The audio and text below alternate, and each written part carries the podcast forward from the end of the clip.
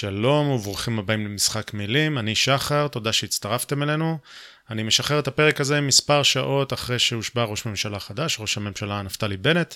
אנחנו נאחל לו הצלחה רבה, כי ההצלחה שלו היא ההצלחה שלנו.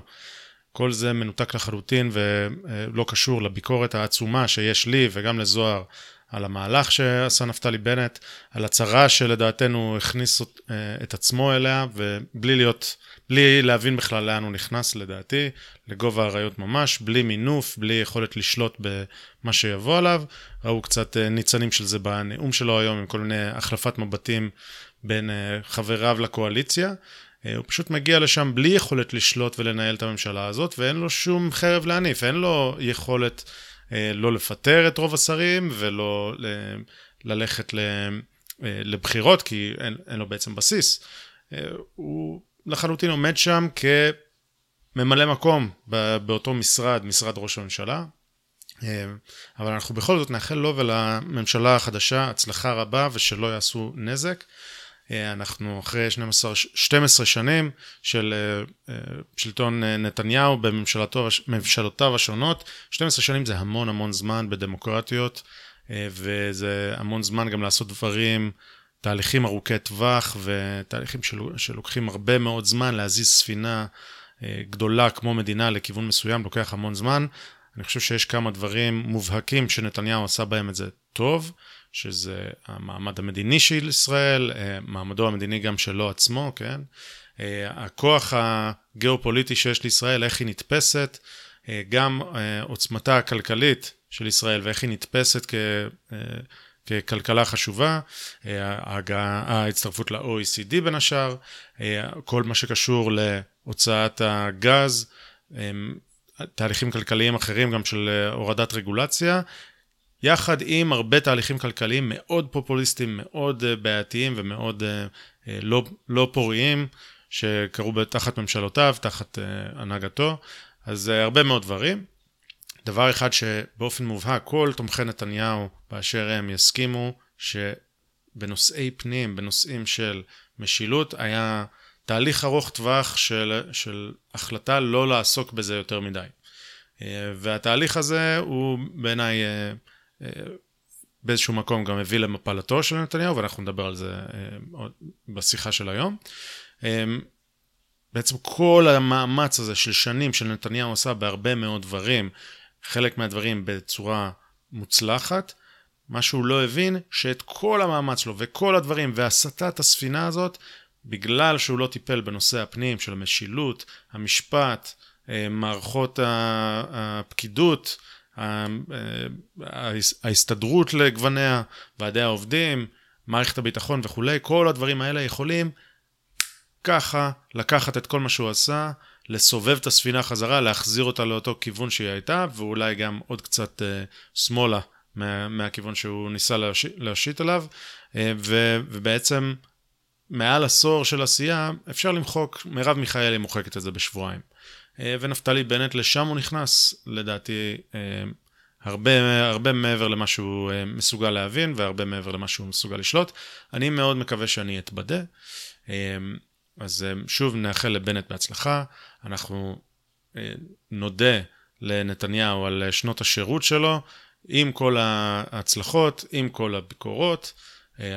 לדעתי, ויש אנשים שיחשבו אחרת, הוא עושה את זה מתחושת שליחות, ואפשר פשוט לא להסכים עם הדרך שלו לפעמים. כל מה שהוא מעבר לזה לדעתי זה לא כל כך רציני. עכשיו, אם לא כבר סיננתי אתכם אחרי ההקדמה הזאת, כי אתם uh, מאזינים ואומרים, אוי, הנה עוד ביביסט, אז אם נשארתם והקשבתם עד עכשיו, יש לנו עוד תוכנית ארוכה בפניכם, שבה אנחנו מדברים, זוהר ואני, עם גיא לוי, שהוא פעיל חברתי והיזם, אחד היזמים ומנהל של פרויקט 315, שהוא פרויקט של מתנדבים. לסיוע במאמץ ההגנה של משפט נתניהו. וזה הנושא, משפט נתניהו, שאנחנו מגיעים ומדברים שם על הרבה מאוד דברים, הרבה מאוד פרטים, וזה חשוב וזה ארוך, זה פרק של כשלוש שעות, מכיוון שיש המון המון פרטים, וזה, וכל פרט שנשמיט פשוט לא ייתן לכם את התמונה המלאה. ובעצם יש פה איזושהי תנועת מלקחיים שנעשתה על ידי אותה, אה, אותם תיקים שהופלו על נתניהו והושלמו היום בכנסת ישראל עם השבעתו, השבעת הממשלה החדשה, השבעה ש, שהורידה את נתניהו מראשות הממשלה. אמ, וככה זה לא כל כך אמור לעבוד. תנועת המלקחיים הזאת לא אמורה לעבוד. עכשיו, אצלי אה, נעשה איזשהו שינוי, זה הפך מזה שלא לא ידעתי מה לחשוב על התיקים האלה, ואז אה, זה נראה קצת חשוד, להיום שאני לחלוטין בצד שחושב שיש פה איזושהי, אה, איזשהו משהו שנעשה במזיד. אחרי ההקדמה הזאת אני לא אגיד את הפרטים, אנחנו מדברים על הפרטים לעומק, אז אני אתן לכם בלי עיכובים נוספים את השיחה המאוד חשובה של זוהר ושלי עם גיא לוי. קדימה, זה הזמן לשחק את המשחק. Time to play the game. Time to play the game!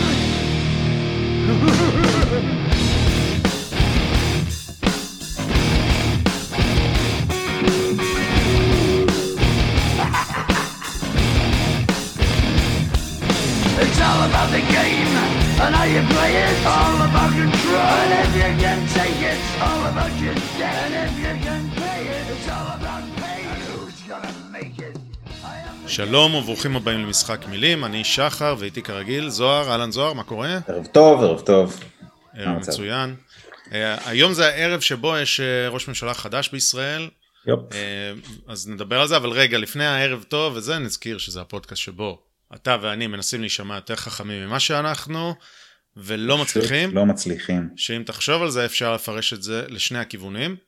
כן. לכיוון אחד ולכיוון אחר, אז אמרת כן. ערב טוב, והערב הזה היום הוא ערב שלראשונה מזה 12 שנים אה, יש לנו ראש ממשלה חדש, אה, ראש ערב חגיגי. נפת, נפתלי בנט, שנאחל לו בהצלחה, אבל אנחנו כן. בצורה מאוד מאוד, אה, עם תזמון מאוד קוסמי נקרא לזה, קבענו להיום לדבר על נושא שקשור ואולי אפילו ממש אתה יודע, cause and effect, סיבה ותוצאה, אבל אתה יודע, זה כבר להמשך השיחה. אנחנו נדבר היום על אה, תיקי נתניהו קצת. לצורך העניין, הבאנו לכאן את מי שאני חושב שאפשר להגדיר אותך כפעיל חברתי, אבל אולי תגדיר את זה קצת אחרת. אה, גיא לוי, אהלן גיא. היי, מה העניינים? מצוין. אז אה, גיא, אנחנו, אתה הפכת לדמות די מוכרת ברשתות החברתיות, יש לך ערוץ טלגרם וערוץ ו user פייסבוק וטוויטר, אה, אבל אני מניח שיש לך גם דברים מעבר לרשתות החברתיות, אז בוא תציג כן. את עצמך טיפה, טיפה בקצרה, את הרקע שלך, מי אתה, ו... ואולי גם אה, את הקשר שלך שבגללו הבאנו אותך כאן לשיחה הזאת, קח כמה דקות ומשם נתחיל. טוב, אני גיא לוי, אני בן 43 אה, מבאר שבע, נשוי למורן ואושר. אה, אבא לשלושה ילדים, לירז, זיו ודניאל, הגדול שלי מתגייס עוד מעט. וואה, יפה. אה, כן. היי לכולם, היי משפחת לוי. אה? אני במקצוע שלי איש פרסום מבטן ומלידה מה שנקרא, מאז ומעולם עסקתי בתחומים מגוונים של פרסום, יח"צ, דוברות, מנכ"לתי כמה חברות, סמנכ"ל שיווק, והיום אני מנהל אה, חברה שמתעסקת ביבוא מקרני הולוגרמה. עכשיו הקשר שלי לנתניהו, בעצם הקשר שלי לכל הדבר הזה התחיל כקשר פוליטי רגיל, אה, בעצם אה, תומך ליכוד, שכשהתחיל כל הסיפור הזה של תיקי נתניהו, הייתי עמום, כמו נראה לי כל שאר אה, תומכי הליכוד, שאמרו לעצמם, לא ייתכן שזה האדם שמואשם בסיקור אוהד, כאילו זה האדם הכי מושמץ בפוליטיקה הישראלית ever since, אה, זה מה שאנחנו יודעים. וכשהתחילה כל הפעילות, אה, התחיל כל המשפט, אה, אז התחלתי לעקוב אחריו אה, מאוד מקרוב, אה, והתחלתי לראות את המופרכות שבדברים. והייתי חלק ממה שנקרא מטה המאבק שארגן את כל ההפגנות אה, הגדולות, אה, אם זה במאבק אה, מול הרדיפה ואם זה בתמיכה בנתניהו. שכחתי לציין, בדרך גם הייתי הדובר של אמיר אוחנה, שבעיניי הוא אחד היהלומים שקיימים היום במפלגה. זה בתקופת היותו חבר כנסת לפני שהוא היה שר, נכון? חבר ממשלה. נכון, חבר כנסת צעיר. אוקיי. במשך שנה ליוויתי אותו. אפשר לעשות על זה פודקאסט שלם בנפרד. עכשיו, קבענו. ואז צללתי לתיקי נתניהו. לפני בערך שנה וקצת אחרי השימוע פורסם, פורסמו כתבי ההגנה של האלוביצ'ים ושל נתניהו. ואני, היה לי זמן פנוי בערב לשבת ולקרוא אותם, וזה מאוד עניין אותי. וישבתי וקראתי את כל מאות העמודים שהוגשו לבית המשפט. והדברים שקראתי שם היו מדהימים בעיניי. והייתי חייב שגם הציבור, שמה זה הציבור, אני לא ערוץ 12, אז הציבור שקרוב אלייך, האנשים שכן קוראים אותי, ידעו לפחות חלק מהדברים שקיימים שם. וישבתי, כתבתי סדרה שנקראת תיקי נתניהו נפרמים, שבעצם בסדרה הזאת תרגמתי את השפה המשפטית הארוכה לשפה שאנחנו בני אדם יכולים לקרוא אותה. סדרת פוסטים. בפייסבוק, כן? לא, לא סדרה, כן. לא כתבת אה, סדרה בדיונית או משהו כזה. כן. לא, לא, לא, סדרת פוסטים בפייסבוק, כל כן. דבר עם צילומי מסך אה, של ההוכחות של אותם דברים שאני אומר. אה,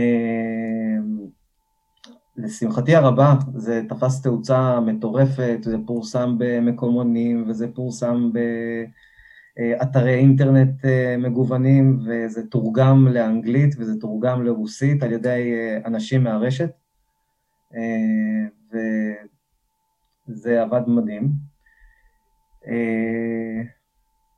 ואז אנחנו מגיעים לסיפור שלשמו התכנסנו כאן היום, 315 בעצם, פרויקט ה-315, שהגיע שלב בתוך uh, התהליך המשפטי, uh, שבו בעצם uh, הוגש כתב האישום, וההגנה אמרה, תשמעו, כתב האישום הזה פגום, כתב האישום הזה יש בו נתניהו ובני משפחתו, יש בו סעיפים שמכילים וכולי, ולדוגמה, וכל מיני דברים כאלה שלא קיימים בכתב אישום משפטי. אין דבר כזה בכתב אישום משפטי.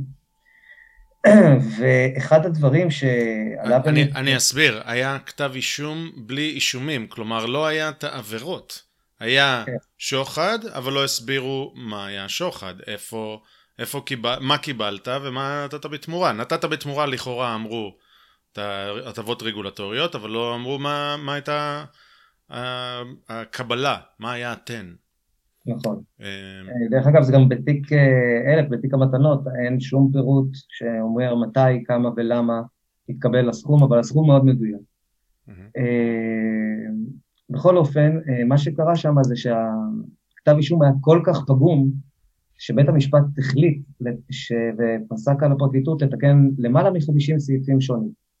אחד הסעיפים שהוא נתן להם לתקן שם, בעצם אמר, חבר'ה, אתם טוענים כאן לעסקת שוחד בין נתניהו לבין האלוביץ'. Uh, בעסקת השוחד הזאת אתם טוענים שתמורת הטבות רגולטוריות שכביכול נתניהו נתן לכאורה לאלוביץ', אם הוא קיבל בתמורה uh, סיקור אוהד. אנחנו מבקשים לדעת מהו אותו סיקור אוהד. Uh, כאן זה כבר היה השלב שכתב האישום כבר הם תיקנו אותו מהשימוע, והם שינו את זה מסיקור אוהד להיענות חריגה. היענות חריגה זאת אומרת שהיו בקשות של נתניהו בדומה לבקשות של אה, פוליטיקאים אחרים או גופים מסחריים אחרים או לא משנה מה, כל מי שמשתמש ביחסי, בשירותי דוברות, וההיענות לנתניהו היא הייתה חריגה. וזהו. כלומר סיקור אוהד זה משהו שקורה, פוליטיקאים מקבלים סיקור אוהד, זה משהו שקורה, זה לא לא בסדר. נכון. פה מש, היה משהו שהוא חריג, ההיענות של ה... של האורחים לבקשות של נתניהו הייתה חריגה. נכון, זו היום, זה היום המתת.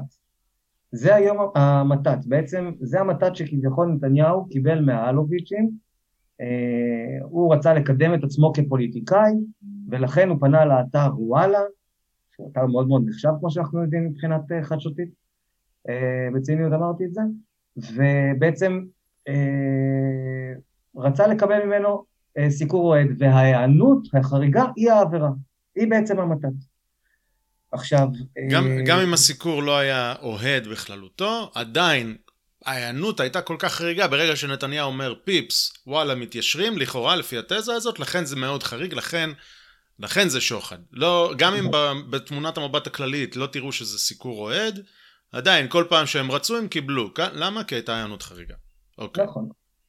עכשיו, בעצם, אה, ואז אה, הפרקליט, הפרקליטות נאלצו לקיים את הוראת בית המשפט, ותוך שבוע אחד לתקן 50 תיקונים שונים מאוד רחבים בתוך כתב האישום, וכמו שאמרתי, אחד מהם הוא להוסיף את אותן כתבות שבעצם היוו את המתת.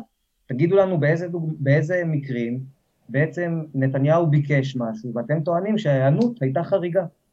שזה, אני, אני שנייה, לפני שאנחנו נכנסים לזה, אני יכול לשאול, כאילו זה מרגיש לי כאילו בית המשפט, בעצם אה, זה שהוא שולח אותם לתקן את זה, זה לא, זה לא דבר חריג בפני עצמו? בוודאי. אה, אנחנו נחשבים, אנחנו נחשבים שיטת משפט, משפט אדברסרית. שיטת משפט אדברסרית אומרת שהשופט הוא בעצם אה, סוג של שחקן מפקח בלבד, הוא לא מתערב. בניגוד לשופטים נגיד בארצות הברית, שואלים שאלות, הם מתערבים במהלך הדיון ממש. כאן, אם אתה עוד תציג ראיות, עוד לא תציג קו הגנה, השופט לא יעזור לעורך דין ויציג אותו. זה בשך. זה בשך. והשופטים מאוד לא נוהגים להתערב בכתבי אישום בניסוח שלהם, אלא אם כן יש כאן משהו שהוא אה, חריגה מהנוהל, ממש חריגה מהנוהל. אתה יכול לרשום בכתב האישום מה שאתה רוצה, אלא אם כן אתה חורג מהנוהל. אנחנו רואים שהיה כאן 50 חריגות מהנוהל, וזה משהו לא, לא דבר שקורה, ממש לא קורה כל הזמן. בטח לא בכתב אישום כזה גדול וכזה נרחב, ולא בכזאת כמות של תיקונים. והם נאלצו להכניס את אותם 315 סעיפים, זה מה שהם הביאו, הם בחרו בפינצטה, כביכול את אותם 315 סעיפים, שבהם הם טענו שהייתה היענות חריגה. אנחנו מדברים על תקופה של כמעט חמש שנים, בחרו 315 סעיפים מתוך 18 אלף כתבות שהיו על נתניהו באתר וואלה באותה תקופה. אה, ואז אני נכנס לקרוא את אותם 315 סעיפים, ממשיך את האובססיה שלי. רק, רק ו... כדי לתת את הסקופ, 315 בחמש שנים, אוקיי, זה קצת יותר, אבל חמש שנים, זה בערך 60 בשנה, פלוס מינוס, נגיד 65, זה קצת יותר מכתבה בשבוע. קצת יותר. אז רק, רק להבין את הסקופ בכלל כשאנחנו מדברים על, אה, על כמה, ב, ב, על, על אתר אינטרנט, כמה, תחשבו כמה אייטמים יש בשבוע, ויש לנו פעם בשבוע ראש ממשלה. עכשיו, עכשיו הטיעון הנגדי יגיד, טוב. 18 אלף כתבות היו על ראש הממשלה בוואלה באותה תקופה. כן. 18 אלף כתבות, אז הוא התערב ב-315 כביכול, תכף אנחנו נצלול לתוך זה ונראה האם באמת הייתה התערבות או לא.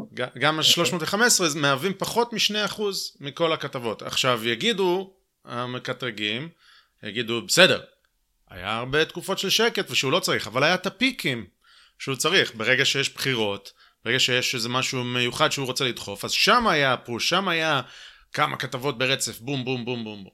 אז, אז אה, אז אתה אומר היה 315 אירועים, ואתה ברגע שראית את, ה, את הפירוט הזה, סוף סוף אנחנו יודעים מה נתניהו לקח.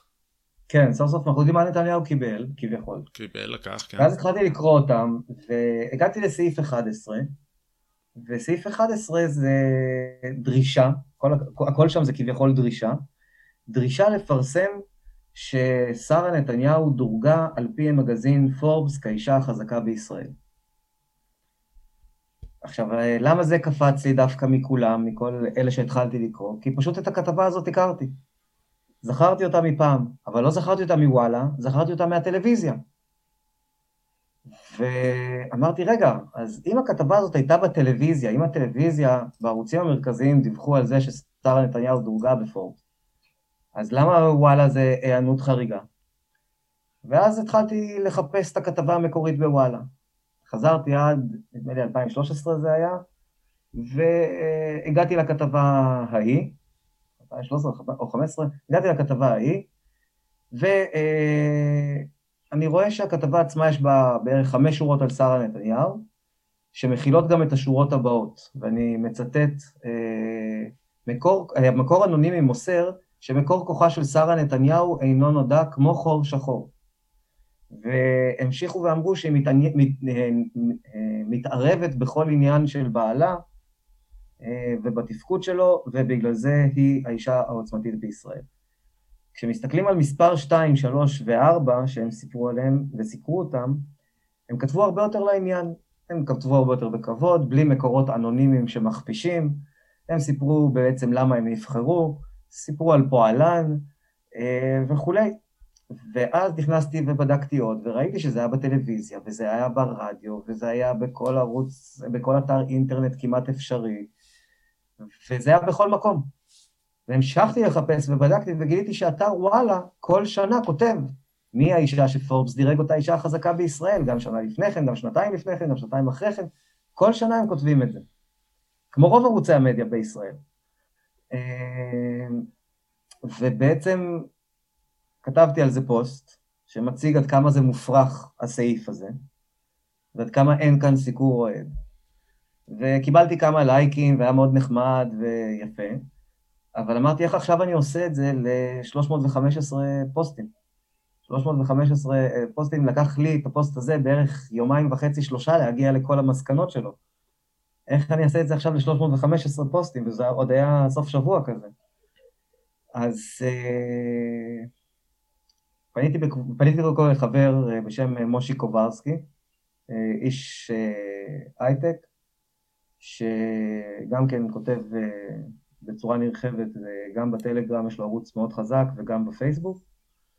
אמ, פניתי אליו וסיפרתי לו על הרעיון שלי ויחד יצאנו לדרך, כתבנו בטלגרם שאנחנו מחפשים מתנדבים, לקחנו 47 מתנדבים ראשונים אמ, ובעצם לקחנו את כל ה-315 כתבות, כתבנו להם מתודולוגיה, מין מצגת מתודולוגיה כזאת, איך בודקים כתבה. עכשיו אני חייב להודות שבהתחלה עשינו טעות, כי בהתחלה לא שאלנו שאלה מאוד חשובה. רוב הסעיפים שהיו שם, כתוב הדרישה נהנתה. והרי מלכתחילה כתב האישום הזה עוסק בהיענות חריגה. אז כל הדבר כאן מדבר על ההיענות. ולא שאלתי אותה, לא ביקשתי לשאול, האם הדרישה נהנתה? כי לא שיערתי לעצמי שמתוך 18,000 כתבות, הפרקליטות תבחר 315 כתבות והיא לא תבדוק אם באמת הדרישה נהנתה או לא. אז לא ביקשנו מהם לבדוק האם הדרישה נהנתה או לא, אלא ביקשנו מהם לבדוק את הדברים שאני מצאתי בעצם בכתבה של פורבס, האם זה סוכר במקומות אחרים, מה אופי הסיקור היה, וכל מיני כאלה. ואז התחילו להגיע אלינו תשובות של לא מצאתי. לא מצאתי את הכתבה. כתוב לעזור כתבה על אלדד יניב שאומר ככה וככה. לא מצאתי את הכתבה. ולא משנה איזה מילות חיפוש, ונכנסתי לאותו חודש לארכיון, ואנשים נכנסו לחודש לארכיון מסוים, ובדקו כתבה אחרי כתבה חד, אה, חדשותי ומדיני ופוליטי, ועברו פשוט אחד-אחד, ויתרו על הטאגים, אמרו, יכול להיות שלא נכנס בטאגים, יכול להיות לא יודע מה, ועברו אחד-אחד, ופשוט לא מצאו אותו, את אותן כתבות שאמרו. והתחלנו לקבל חומרים, והתחלנו לקבל חומרים, והתחלנו לעשות עליהם בקרה, ופתאום התחלנו להבין תמונה מדהימה. הפרקליטות, כשהיא הגישה את אותם 315 מקרים, היא לא עשתה את הבדיקה של האם באמת המקרים האלה נהנו או לא. הם לקחו את המקרים האלה הישר מהטלפון של אילן יהושע, היה להם מחסור בזמן, זה היה להם שבוע אחד ולתקן עוד 49 סעיפים חוץ מזה, ויש שישי שבת באמצע. הם פשוט נכנסו לטלפון של אילן יהושע, שלפו משם את ההודעות, מה שהם ראו שהוא אמר כנראה בסדר, או סבבה, או טופל, או עלה, או לא משנה מה, הם הכניסו את זה לכתב האישום. וכשאתה בודק את זה, בבדיקה קטנה בגוגל, פשוטה לגמרי, אתה מגלה שבערך שליש מהם לא נהנו בכלל. שליש מהעובדות הכתובות בנספח כתב האישום שגויות, לא בפרשנות שלהם. לא אם אתה אומר הכתבה שלילית, חיובית. האם הדרישה נהנתה? לא. אז בעצם אנחנו, באתם להראות לנו שההיענות, לא רק שהיא לא הייתה חריגה, גם לרוב לא הייתה היענות. ואם אנחנו נגיד מנקים את השליש הזה, ומסתכלים על השאר, אנחנו מגלים שם הודעות דוברות, בנאליות, טריוויאליות, שפורסמו במיליון מקומות אחרים, ראש ממשלת יפן הגיע לביקור, לדוגמה. קונגרס, אה, ברקת הודיע שהוא תומך בנתניהו. לפני הבחירות, ראש עיריית ירושלים הולך עם ראש הממשלה, סיור בירושלים, דיווחו על זה, הראו, הראו את זה בערוץ 12 אה, ו-13 היה וידאו. אז כאילו, זה הגדול, אבל לא תגיד שהיה שם איזושהי כתבה שאתה אומר, תשמע, ההיענות חריגה, אני בהתחלה הייתי בטוח שבהיענות חריגה אנחנו נגלה דברים שראש הממשלה דחף להם להכניס מסרים, אמר להם להגיד שהוא הכי טוב בכלכלה, והוא הכי טוב בביטחון, והוא הכי טוב ביחסים אה, הדיפלומטיים שלנו, ודברים שיזיזו מצביעים ממפלגה למפלגה. מצביע, אחד, ממפלגה למפלגה.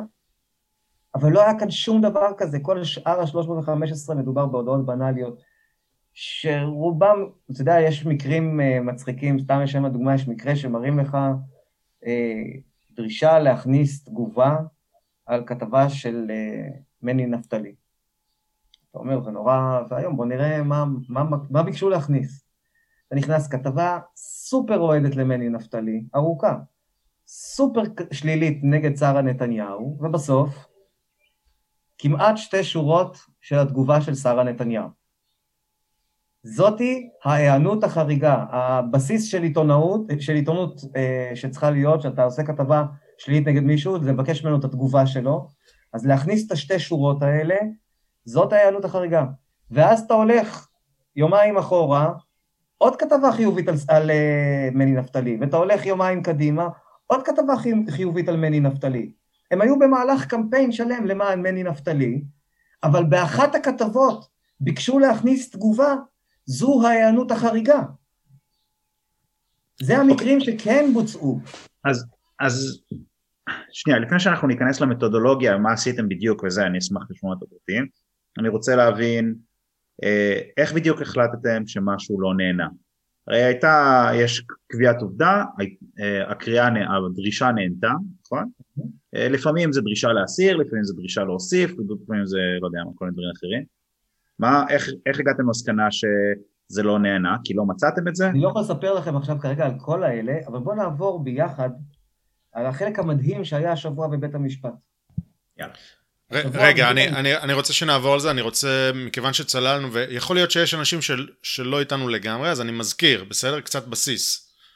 אה, יש לנו תיקי 1,000, 2,000 ו-4,000, אנחנו עוסקים עכשיו בתיק 4,000, שהוא התיק החמור, תיק השוחד, הוא עכשיו מתנהל ראשון בבית המשפט, והשם שהזכרת, אילן ישוע, למקרה שאנשים לא מכירים אותו, זה מי שהיה מנכ"ל וואלה. הוא זה שעבד בצמוד עם הבעלים של וואלה, שהוא גם הבעלים של בזק, שהוא אלוביץ', שהוא אה, זה שעומד לשוחד יחד עם נתניהו, אה, אה, אה, עומד לדין על, על מתן שוחד. ועכשיו הטענה היא שהקשר, העסקה נרקמה בין נתניהו לאלוביץ', על זה שייתנו לו סיקור אוהד, בתמורה נתניהו יעזור לאלוביץ' בעסקיו עם רגולציה, וישוע היה כלי על לוח השחמט של אלוביץ', וכך ישוע אה, אה, כמנכ"ל וואלה הטה את האתר בהיענות חריגה לכל גחמותיו של נתניהו ומשפחתו, אה, שגם על זה אפשר לדבר, מה זה נתניהו ומשפחתו. אבל, אה, אז זה אילן ישוע, ואילן ישוע, אה, כשאתה, כשאתה אומר שהפרקליטות לקחה את הטלפון שלו ואמרה, מה שהוא אמר בסדר, אז הם החשיבו את זה כאילו הדרישה נענתה, זה בעצם מישהו שהפרקליטות עבדה איתו, הוא היה אחד הטריגרים, אם לא מי שיצר את, ה, את החקירה הזאת מההתחלה, הוא הגיע למשטרה עם הקלטות של שנים, הוא כבר מקליט את אלוביץ' שנים. אה, ו, והוא הגיע למשטרה ונתן את גרסתו, מעולם לא נחקר באזהרה, והסטטוס שלו הוא עד. אה, אפשר גם לצלול לזה, מה, למה הוא, איך זה יכול להיות שהוא עד, כי הוא חלק בעבירה פה, לצורך העניין, אם הייתה היענות שהוא נותן, כי, כי אילן ישוע ככלי על לוח השחמט, אלוביץ' אומר לו תיתן לנתניהו כך וכך, אז אילן ישוע עושה את זה, אז הוא שותף לעבירה, הוא לא אה, מסכן. או לחילופין שהוא יכול להיות, במקום שותף לעבירה ועומד על ספסל הנאשמים, הוא יכול להיות עד מדינה. כל מה שהוא לא זה או, או, או לא זה, לא ברור. וכמובן ששם אנחנו נמצאים, הוא במצב לא ברור. אז, אז סליחה, יש פה, יש פה המון המון כיוונים וספינופים שאנחנו יכולים ללכת אליהם. ואני ארצה אחר כך שאנחנו כן נחזור הרבה הרבה אחורה, אבל אנחנו עכשיו בתוך פרויקט 315 שלך ושל מושי קוברסקי, הבאתם מתנדבים, נתתם מתודולוגיה, הנה זה, והזוהר שאל אותך, איך ידעתם שמשהו לא עלה? כן, חשוב לציין שמי שאיתנו היום בהנהלה, גם יש את דוקטור עדי סאבו, ואת משה מל"ל, שהוא גם איש הייטק, שהם מאז די ההתחלה, ביחד איתנו בניהול של כל הדבר הזה, מקדישים ימים, לילות, שעות, זמן, דלק וכולי. מאה אחוז. מה שהיה חשוב לספר לכם, יש כמה דברים שאנחנו נדבר עליהם שקרו השבוע במשפט, אבל אני אתחיל דווקא ממה ששאלת אותי, איך אפשר לדעת שמשהו נהנה או לא נהנה. השבוע בבית המשפט אה, התחיל איתם אה, העורך דין בועז בן צור. עורך דינו של נתניהו. כן, עורך דינו של נתניהו. סליחה, אני פשוט נותן לאנשים שהם לא בתוך זה, כי אנחנו כן, בתוך זה חייבים לתת את הרקע. אז עורך דין בן צור, אחד מעורכי דינו של נתניהו, כן. אני עורך דין שמטפל בתיק 4000. אה, ובעצם אה, כשבועז בן צור אה, בחר להתמקד דווקא בשמונה הראשונים. למה בשמונה הראשונים? לפי התזה... שמונה הראשונים מתוך ה-315 הכוונה. נכון, בשמונה הראשונים, בשמונה ההטבות, ההיענויות החריגות, החריגות כביכול מתוך ה-315, ולמה דווקא אלו? כי אה, על פי התזה של הפרקליטות, עסקת השוחד נרקמה במהלך חודש דצמבר 2012, כאשר אה, בני הזוג נתניהו ובני הזוג אלוביץ' ישבו ביחד לארוחת ערב. שם כביכול נרקמה אותה עסקת שוחד. אה, ולמה היא נרקמה אז? כי בעוד חודש מאותו יום, פחות או יותר, אה, היו בחירות 2013, בינואר 2013 היו הבחירות. ונתניהו כביכול היה מעוניין בסיקור אוהד כדי להטות את הבחירות. אה, ושמונה המקרים האלה, אלה שמונת, שמונה המקרים. אני, אני רוצה להזכיר רק בשביל, סליחה, 2013, אה, היי, אמרתי להגיד משהו לא נכון על חוק ישראל היום, זה היה ב-2015, סליחה, אני אסתום, תמשיך. אז כן, 2013 אה, בעצם, אה, המטרה הייתה כאילו להראות שהוא רצה להטות את הבחירות. עורך הדין של נתניהו עבר על 315 סעיפים, כל השמונה הראשונים, כשהשמיני בעצם, באותה תקופה, כשהשמיני בעצם הוא ממש ביום הבחירות. ואז הוא מתחיל לעבור בבית המשפט, שזה היה פשוט הצגה, מי שיש לו את הזמן וייכנס ויקרא את הפרוטוקולים, זה אחד הדברים הכי מדהימים, ספרי המתח הכי מדהימים שקראתם, קצת מצחיק, קצת uh, מייאש, אבל בהחלט uh, מותח. Uh, והוא התחיל לעבור איתם על הסעיפים לפי הסדר, הוא לא לקח את uh, מספר 80 ו-32 ו-15 ו-4, אלא הוא התחיל לעבור סדר כרונולוגי לפי הסדר שהפרקליטות שמה את הסעיפים, וזה גם לפי סדר התאריכים. ואני מזכיר, אמרנו, יכול להיות שיש פיקים, אמרנו, מקטרגיך יגידו, טוב, היה לאורך החמש שנים, אזורים מתים, אזורים זה, אבל פה זה peak, החודש של הבחירות, השוחד הוא טרי, הם יצאו נכון. עכשיו מארוחת ערב, וקדימה לעבודה. ועכשיו יש לנו חודש, שמונה אירועים, קדימה. נכון, הם קראו לזה ה peak הקטן, ויש את ה peak הגדול, שאחרי זה זה יהיה הרבה יותר מצחיק, כשאנחנו נגיע לשם, אנחנו לא נעשה את זה היום, כי עדיין הוא לא נחשף, אבל ה peak של 2015 הוא עוד, עוד יותר מצחיק. אה, אז הם קראו לזה ה peak הקטן, ו-2015 הוא ה peak הגדול. ב peak הקטן, אה, שזה שמונה מקרים בתוך אה, חודש אחד, בואו נעבור עליהם יחד במהירות, כדי לא להלאות אתכם יותר מדי. סעיף מספר 1, דרישה לפרסם שנפתלי בנט תומך בשלי יחימוביץ' ובציפי לבני. עורך הדין בן צור בא ופותח את הכתבה על גבי המסך מקרן בבית המשפט, והכותרת בדיוק הפוכה, מתארת את הסכסוך בין נפתלי בנט וציפי לבני. התובעת יהודית תירוש באותו רגע קמה ממקומה וצועקת לא נכון, זאת לא הכתבה הנכונה. הדרישה, הדרישה נהנתה בכלל יום אחרי.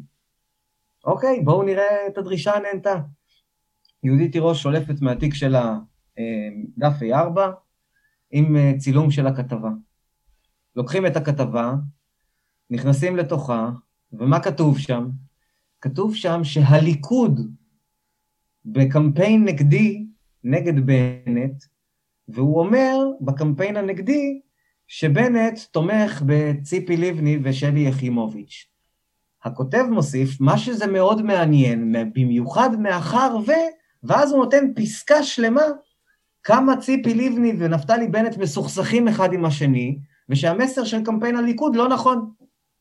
אז בעצם הם גם הרסו את קמפיין, הם גם הרסו את המסר שקמפיין הליכוד ניסה להוציא החוצה, וגם בשום שלב לא אמרו בעצמם שנפתלי בנט תומך בש... בציפי לבני או בשלי יחימוביץ', אלא ההפך הגמור. הם רק תיארו וסיפרו למה זה לא נכון, והוכיחו את זה בפסקה שלמה שהסבירו את כל סיבות הסכסוך ביניהם.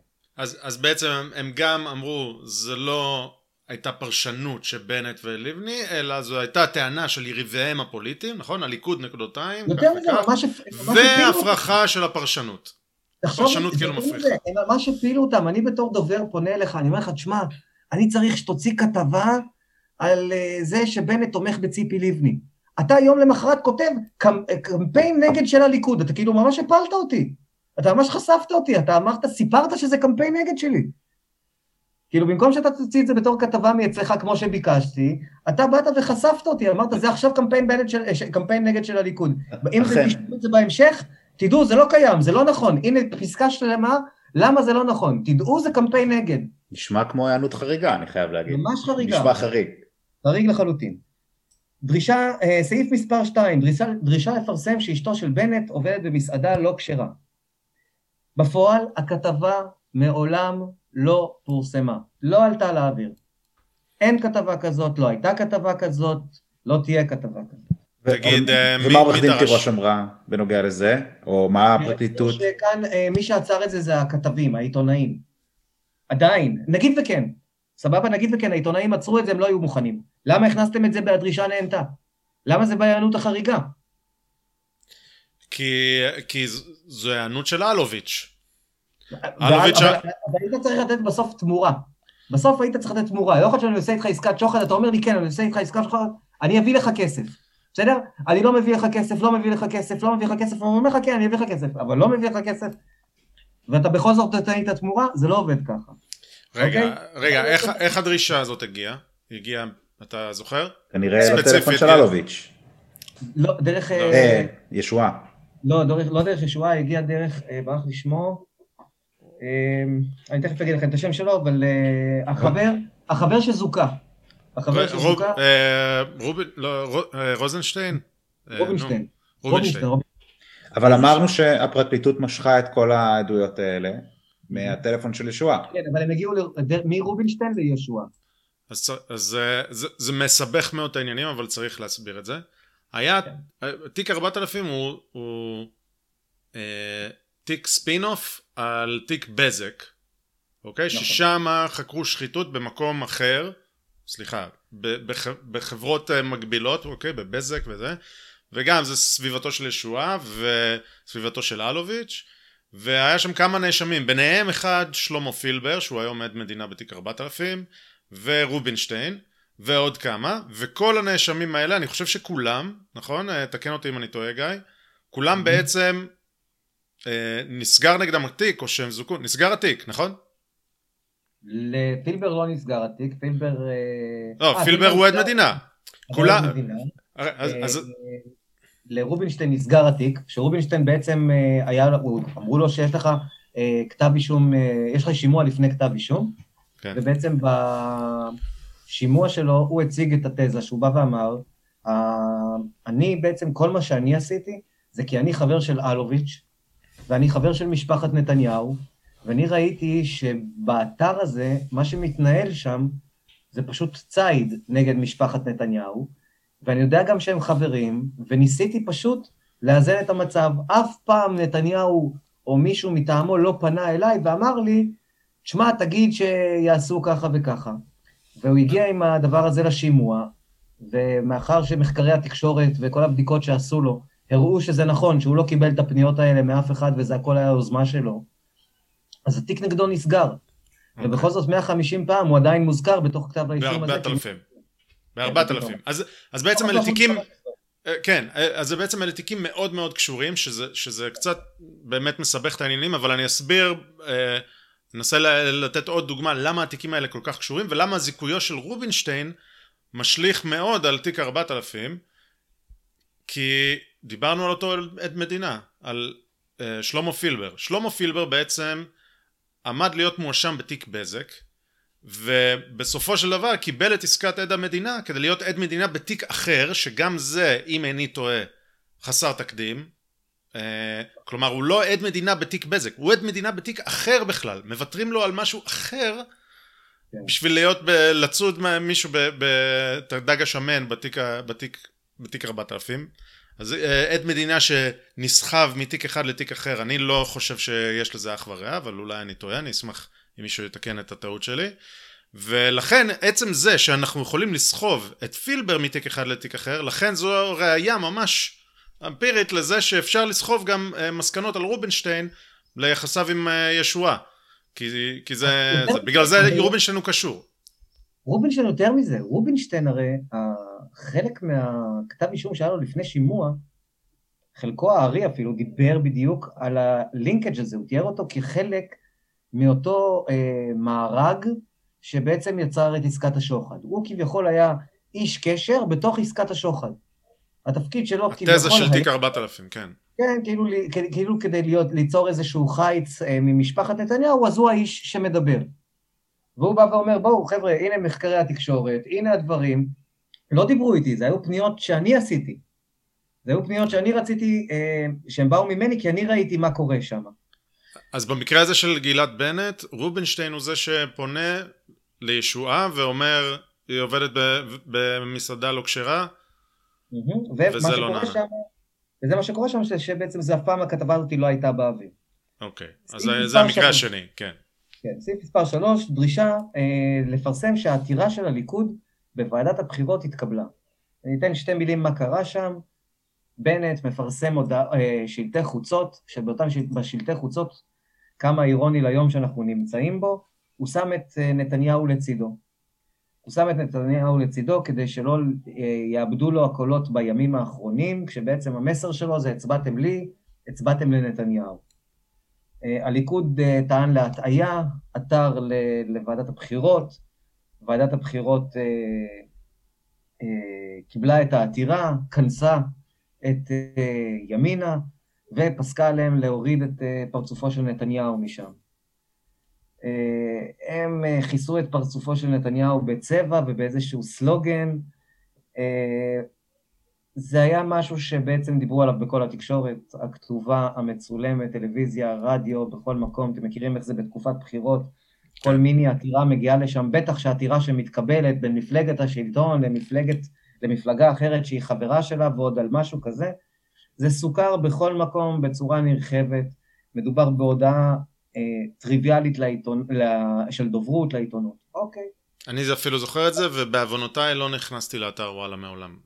אני, אני אחד מהבודדים ש... האתר, כשנכנסים לתוך האתר וקוראים את הכתבה, אז הליכוד, שבית המשפט קיבל את העתירה שלו, אז אה, הם דווקא בחרו אה, להציג אה, חשדות אחרים נגד הליכוד, בסדר?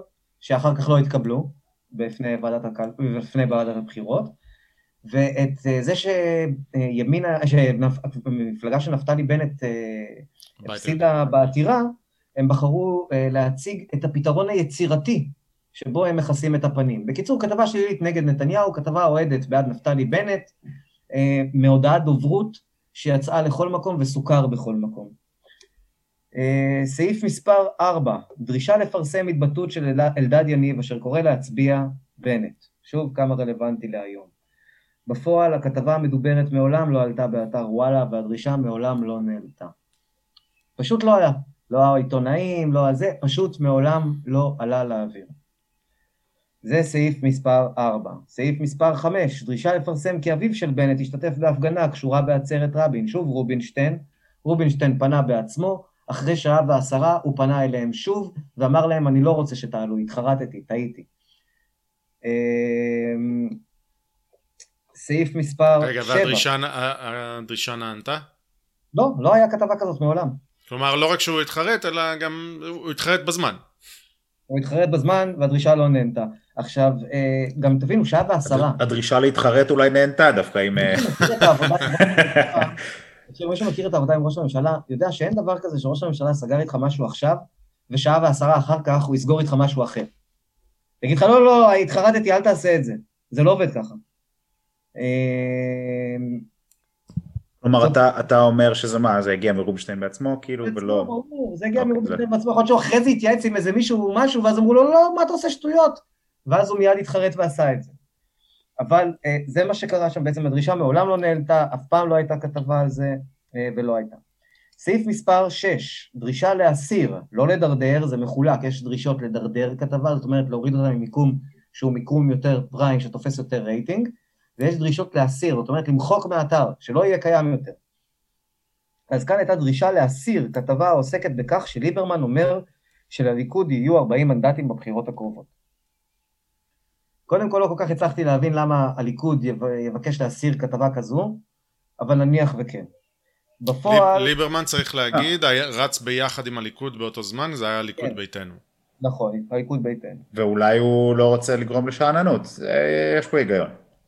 עכשיו יש בעצם, אה, אז תכף נגיע ליש היגיון, יש אה, בעצם כלי, אה, יש כמה כלים שאנחנו עובדים איתם, שבעצם בודקו, בודקים ומצלמים את המסכים של כל האתרים המובילים, בכללם את וואלה, כל רבע שעה.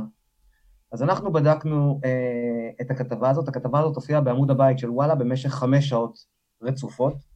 לא יודע כמה כתבות נשארות בעמוד הבית חמש שעות רצופות, אבל הכתבה הזאת הייתה בעמוד הבית חמש שעות רצופות. ואם כן הייתה, היה אינטרס להסיר אותה או לא היה אינטרס להסיר אותה, הכתבה עד היום, אם תרצה, אני אשלח לך את הקישור, קיימת עד היום באתר וואלה. אז, אז כשכן מסירים כתבה, היא מוסרת גם מהארכיון? נכון. כן. יש כתבות כאלה שהצלחנו לראות שהוסרו לגמרי. יש כתבה, דוגמה מאוד ארסית, משהו שקשור לשרה נתניהו וזה, שהיא באמת הוסרה משם, כי אני אגיד לך את האמת, אני אם הייתי שר הייתי תובע אותה.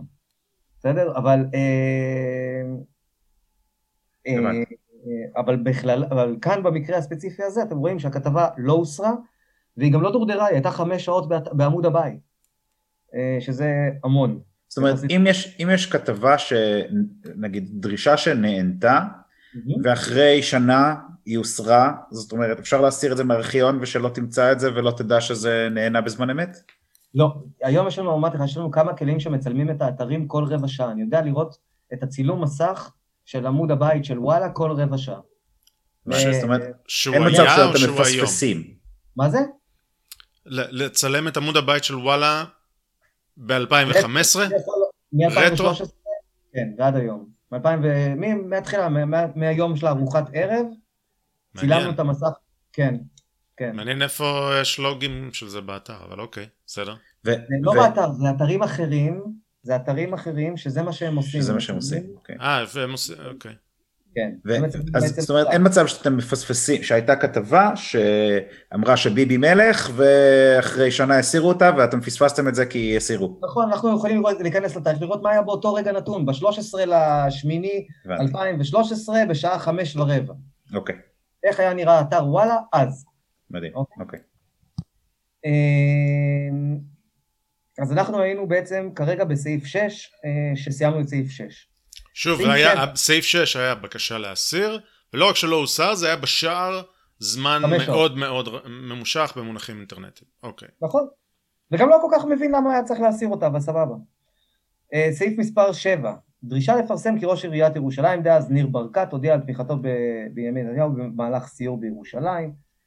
אה, שוב, הודעת דוברות שיצאה ישראל אה, כולל סרטונים, אה, כתבות מצולמות ששודרו בטלוויזיה, כולל ברדיו, אבל באותו יום באתר וואלה גם דאגו לאזן את זה, העלו כתבה של אה, דן מרגלית, העלו הרבה כתבות באותו שבוע נגד נתניהו, אני בחרתי אחת להציג אותה שנקראת ביקורת על נתניהו. ככה היא נקראת הכתבה, היא מכילה הרבה ביקורת על נתניהו. אה, זה מה שהם בחרו, בחרו לאזן באותו יום, אבל אה, כמו שאמרתי, זה סוכר בערך בכל ערוץ מדיה אפשרי בישראל, שום דבר חריג לא היה באותה אה, כתבה. סעיף מספר 8, דרישה לפרסם תמונה של נתניהו מביקורו בכותל והסרה של סרטון של בנט. אתה אומר, זה, זה ביום הבחירות, ביום הבחירות, הנה תמונה של נתניהו בכותל ויש סרטון של בנט, תסירו. יום בחירות, קדימה. נכנסים ליום הבחירות, עוברים בדיוק האתרים האלה שאמרתי לכם, שמציגים כל רבע שעה, ומי הפוליטיקאי, ראש המפלגה, כמעט היחיד, שלא היה בכלל באתר וואלה, עד השעה 10:35, בנימין נתניהו. 10:35 בערב, בערב. 10:34 בערב, 34 דקות אחרי שהקלפיות... אחרי סגירת הקלפיות, אוקיי. Okay. זו הפעם הראשונה שבנימין נתניהו עולה תמונה שלו. מה, מה לגבי הסרטון של בנט? לא היה סרטון של בנט, היה סרטון של כל הפוליטיקאים שהוצג בבית המשפט, הם נתנו לכל השופטים וכולם לראות את הסרטון הזה, הוצגו בו כל ראשי המפלגות, סליחה, בכללם נפתלי בנט ובכללם בנימין נתניהו. לכל אחד היה פרק זמן שווה שבו הוא דיבר, והציגו את כולם. עכשיו תגידו, טוב, אז את זה הוא ביקש להסיר. אה, יכול להיות, אבל זה לא הוסר עד היום. גם הסרט, הסרט הזה קיים עד היום אה, בתוך האתר, והוא היה אה, כמות שעות מכובדת מאוד בעמוד הבית שלהם. לא, אבל אם היה, אם היה סרט של בנט שהוסר, איך תדע? כלומר, אם זה לא היה, ב... היית רואה בסנפשוט, אבל הסנפשוט נגיד הוא לא מסתכל על, הוא לא היה בדף הבית, הוא היה איפשהו למטה. אתה רואה גם את מה שלמטה? גם הכל, הכל, הכל. אתה רואה את זה, אתה אוקיי. יודע, והאמן לי, אם הם, האם הפרקליטים של התביעה, סליחה, אם התביעה הייתה, אה, היה לה מידע אחר, היא מזמן הייתה... מביאים לך לינק, כן. כן, אוקיי. בוודאי. היא הייתה שולפת עוד דף מהתיק שלה, בסדר? כן. אני גם, אני, סליחה על הסקפטיות ה... לא יודע, המוגזמת שלי אולי, אבל 10.34, לא אמרנו כל רבע שעה, זה, מה זה בזמנים לא... לא כתוב לך שם את השעות של ה... מתי זה עולה? זה עלה, כן. כן. הבנתי, אוקיי. מתי הכתבה עלתה? מלא דאטה, כאילו, יש לכם מהסנאפשוט סצנה. אנחנו לא אספנו את כל הסנאפשוטס, רק של הימים הספציפיים שהיינו צריכים. כן, אוקיי. כן, שהיינו צריכים לבדוק אותם. אז, אה, אז, אז עורך דין בן צור טוען את כל, מפרק את כל השמונה אה, טענות הראשונות, ומה, והפרקליטות פשוט, הם, הם שותקים, לזה הראשון היא צעקה, זה, לא, זה לא נכון. ואז מה שהגיע זה שלוש, יש כאן שלוש ניסיונות אה, מדהימים של הפרקליטות שאנחנו רואים אותם עכשיו במשפט. מה שאתה דיברת עליו כרגע, מה שקרה כרגע, בשלב הזה זה שהתובעת יהודית תירוש קמה ואמרה, רגע, אני רוצה רק להבהיר נקודה. כן, גברתי, מה את רוצה להבהיר? היא אמרה, מה שאנחנו רואים כרגע, אותם 315 מקרים, זה לא כל המקרים. אנחנו נציג אה, את העובדים של וואלה וכל מיני כאלה שיראו בעצם אה, את האווירה הכללית, מה בעצם אה, קרה שם מאחורה. בדיוק, היא אומרת זה לא רק המקרים, עזבו אותי ממקרים. הייתה כן. אווירה כללית ואנחנו נציג התכתבויות נוספות עם, עם כתבים אחרים והכל ואורחים ואז האווירה הכללית זה מייצר תמונה כללית והמקרים בסדר יופי שהוא מפרק מקרים אחד לאחד אני מדברת על אווירה כללית נכון? נכון. זה בגדול היה אתם. אז השופט ברם אמר גברתי אנחנו עוסקים בעסקת שוחד. בעסקת שוחד אני לא יכול להרשיע אה, על דברים כלליים. האם גברתי מצפה שאני ארשיע אדם בשוחד על אה, סמך אה, אמירות כלליות? אז היא אמרה לא זו לא כל הירייה אנחנו אמרנו בכתב האישום, כשאתה ביקשת מאיתנו לתקן אותו ולהכניס את ה-315, אז אנחנו בדיונים, אם תסתכל אחורה והיא מיד שלפה את העמוד הנכון בפרוטוקול, כי הם כבר עשינו את השיעורי בית והם תכננו לבוא עם, עם הבקשה הזאת אה, מראש, כי הם ידעו שזה מה שהולך לקרות בבית המשפט. אה, והיא אמרה, אני מציגה לך בפרוטוקול שבדיונים אנחנו אמרנו שיש מקרים שאנחנו לא יודעים עליהם. ואתה אמרת לנו, תרשמו רק את המקרים שאתם יודעים עליהם. עכשיו, אז הוא אומר לה, אבל זה ככה בכל עולם המשפט, כאילו, אני לא, את לא יכולה לרשום על גניבה שלא הייתה, כי הוא לא אומר לה את המילים האלה, אבל הוא אמר לה שזה סדר הדין, כאילו, את לא יכולה לרשום אה, בכתב האישום שלך על גניבה שלא הייתה, את יכולה לרשום רק על גניבה שאת לא יודעת עליה. את יכולה לרשום רק על גניבה שאת יודעת עליה. ככה עובד, ככה עובד עולם המשפט, את לא יכולה לשפוט בן אדם על מה שאת לא יודעת. תביאי ראיות, תביאי הוכחות ותשפטי אותו על מה שאת יודעת. אני, אני חייב להגיד, הרבה פעמים כאילו אומרים זה לא ככה במשפט, ואומרים אך איזה מטומטם זה עולם המשפט, כי ברור שזה ככה ואיזה באסה שאי אפשר להפליל את הבן אדם הזה שברור שהוא פושע, כן? נגיד במקרים אחרים, אבל פה זה נשמע לי גם הכי הגיוני בעולם, אתה אומר את זה, זה כאילו ככה זה בעולם המשפט, זה גם היגיון, זה היגיון פשוט, אי אפשר, אי אפשר להאשים בן אדם, כי אנחנו יודעים שהוא גנב, אבל... אה, אבל... נכון, נכון, עולם המשפט בנוי על הוכחות וראיות ודיני ראיות. בעצם השופט, השופט, ואז הם אומרים לה, את אומרת בעצם ש-315 המקרים האלה הם לא כל הירייה?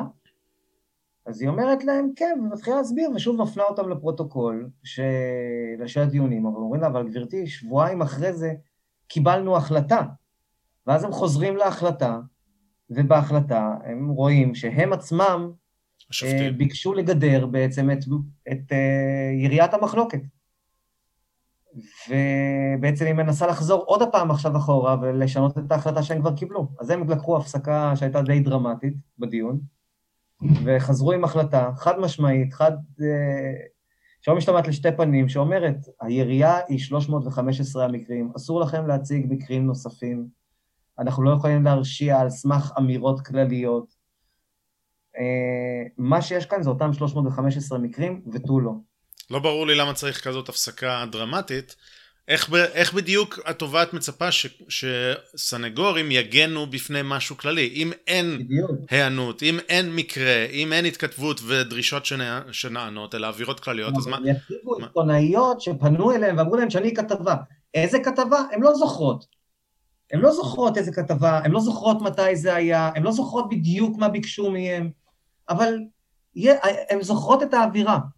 לא, גם, okay. אוקיי. גם האווירה, האווירה יכולה להיות לא דרישה לשנות כתבה, אלא אווירה של וואי, נכנס בנו בצורה לא הוגנת. הודעה okay. נגיד, אה, מניר חפץ, מהיחצן. אה, זה היה, הכתבה שלך הייתה לא הוגנת. תהיי יותר הוגנת פעם הבאה. אז זהו, זה לא דרישה ולא כלום, זה אווירה, אבל אנחנו מדברים פה על העולם הפלילי, לא על עולם היחצנות ומותגים, אלא... ואז הם עברו לניסיון מספר 2. ניסיון מספר 2, וזה אני באמת, כל, במאזינים שלכם, מי שיצליח לפענח את מה שאני אומר עכשיו, אה, פיצה ודיסק של אה, אהה יישלח אליכם לביתכם. אה,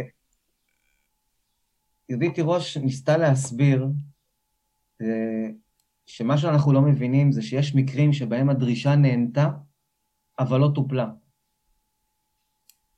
אוקיי? אני אחזור על זה שוב, דרישה נהנתה, אבל לא טופלה. זאת אומרת, אלוביץ' אמר, סבבה, אבל לא המשיך עם זה הלאה. זה מה שאני או, או שמישהו אחר רצה, מישהו לא טיפל. אל, אלוביץ' אמר כן, ומישהו אחר לא טיפל. כלומר, הכתב. נכון, אבל, אבל, אבל ישועה הוא הכלי של אלוביץ'. כן. ישועה הוא הכלי של אלוביץ', אז, אז ישועה הוא לא בן אדם עצמאי, הוא פיון, לפי התזה.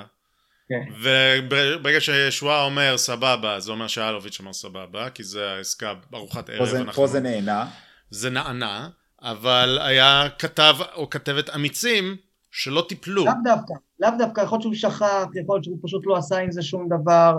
אה, רק מקרים מאוד בודדים כאן, יש איזה שתיים, שלושה מקרים, מקרים מתוך ה-315, שבכלל מדובר על הכתבים. כל השאר זה פשוט לא טופל. אולי, לא אולי טופל. זה נהנה, אבל בשלילה. כן,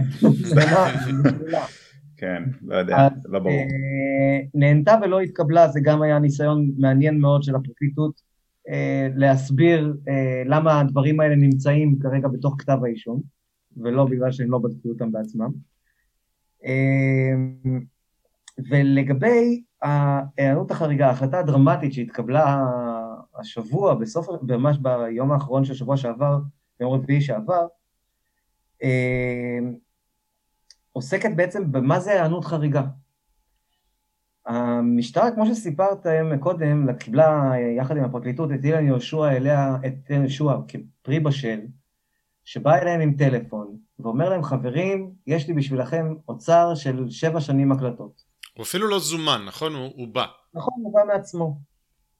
ויש לי שבע שנים של הקלטות. אנחנו לא יודעים אם הוא לא זומן, אם הוא הרגיש שהוא הולך להיות okay. אוקיי. מזומן, אם הוא הבין שהסביבה שלו עכשיו מתחרבשת, הוא בא פשוט עם שבע שנים של הקלטות. זה בזמן שיש תיק חקירת תיק בזק, נכון?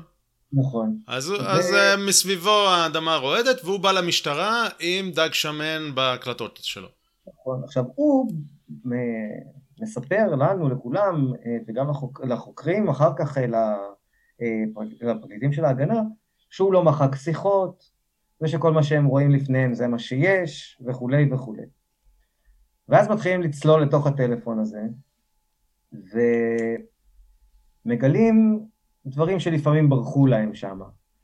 אה, מגלים נגיד תכתובת של אה, אילן ישוע עם אה, נשיאנו החדש בוז'י הרצוג, והוא אומר לו, טוב, בוא נעבור לקווי. או שהוא אומר לו, טוב, בוא נעבור לאפליקציה אחרת. וכל מיני כאלה. יקירי, אפשר שתעשה כך וככה, אני מבקש שהכותרת תהיה. אני, כל מה שאתה צריך, אני כאן בשבילך. להזכירכם, עם נתניהו הוא אף פעם לא דיבר מילה, אילן ישועה. אבל זה התכתובות שלו בינו לבין בוז'י הרצוג. עכשיו, כשאנחנו רואים את ה... שזה באיזה תקופה? זה כשבתקופה של בחירות 2015, כשהוא... כשבוז'י היה... מועמד יחד עם ציפי לבני ל... כן, הוא היה יריב הפוליטי הישיר של נתניהו. בדיוק. V15 כל זה, הוא היה מועמד, מועמד לראשות הממשלה מול נתניהו בעצם. נכון. ואנחנו רואים שבעצם לא רק שהוא לא נחקר, לא רק שהוא לא במעמד עד מדינה שבעצם מוריד מהאמינות שלו, באים בודקים עורכי הדין של נתניהו ומנסים לבדוק את הנורמה, כי אם אנחנו בודקים היענות חריגה, אז מנסים לבדוק את הנורמה בהיענות של בוז'י הרצוג לאחרים. זאת אומרת, אם יש היענות חריגה, צריכה להיות חריגה ביחס למשהו, זה לא יכול להיות חריג ביחס לחלל. ואז מתחילים לבדוק את ההיענות שלו מול בנק הפועלים, כי בנק הפועלים זה הבנק שהם עובדים איתו.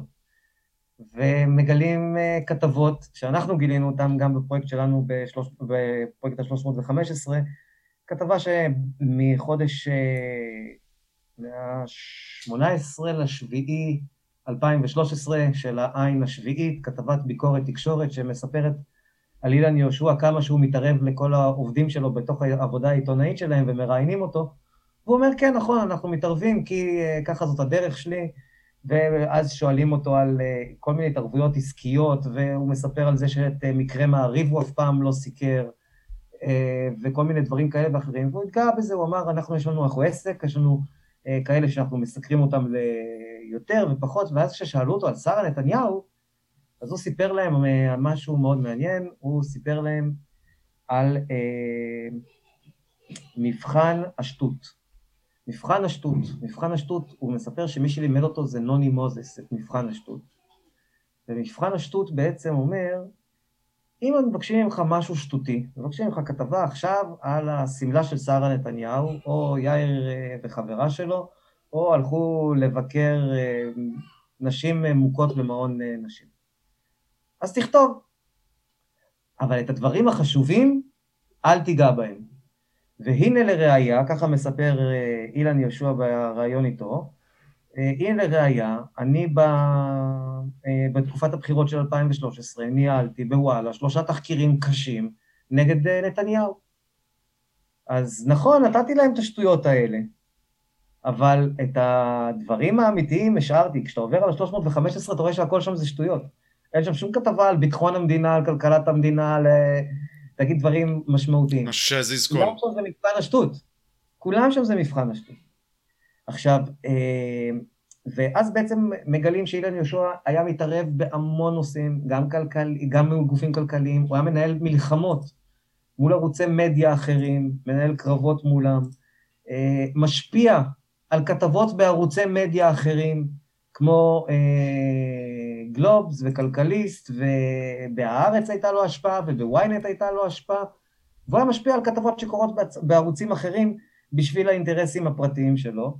רואים איך לאורך כל הדרך אילן ישוע, בלי אה, שום בקשה מאלוביץ', פעל כסוכן עצמאי לחלוטין בשטח, בו הוא לא היה איזה פיון, הבן אדם אה, הרוויח אה, בכל השנים האלה אה, עשרות מיליוני שקלים. אותה עסקה אה, שהיא לכאורה ההטבה מנתניהו, בסדר? עם, ה, עם הרגולציה והכל, באותה עסקה הוא שלשל לכיסו, כן, 15 מיליון שקלים, והוא הרוויח ממנה.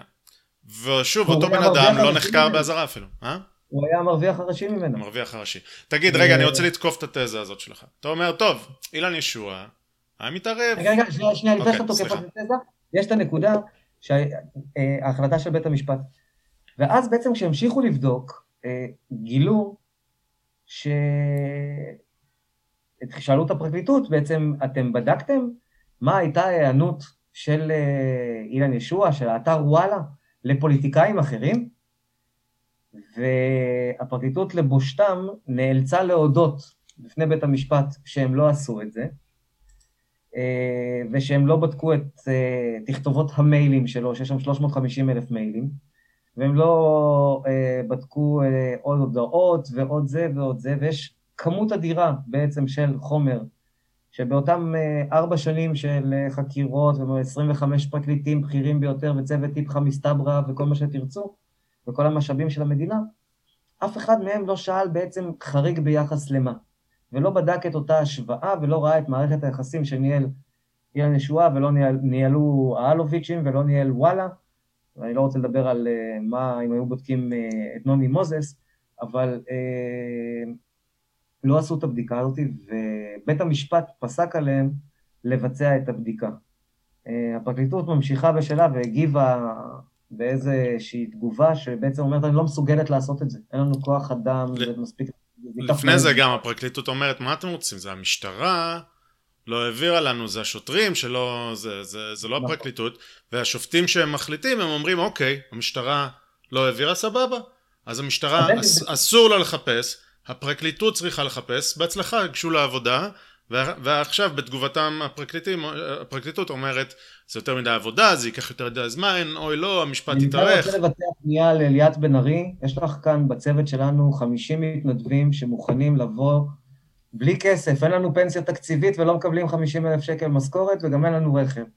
אנחנו כולנו נבוא בהתנדבות, לבוא לעזור לך לחפש, אם את צריכה. אני לא מצפה לטוב, אל תדאגי. אז, אז, אז אני רוצה יודע מה, רק אני אגיב בקצרה, זה מדהים, כי כתב האישום היה סיקור אוהד, הוא עבר להיענות חריגה כי זה ברור לחלוטין שלא היה שם סיקור אוהד באתר וואלה שהיה אתר מאוד נגד נתניהו, עם כתבים נגד נתניהו, ועורכים ובעלים ומנכ"לים נגד נתניהו, לא בעלים, בעלים זה אלוביץ', אבל המנכ"ל נגד, מאוד מאוד נגד נתניהו. אז טוב, סיקור אוהד לא עובד, זזנו להיענות חריגה. ו... כנראה ששם הם לא עשו את הסוויץ' אצלם. דבר ראשון, מה זה היענות חריגה?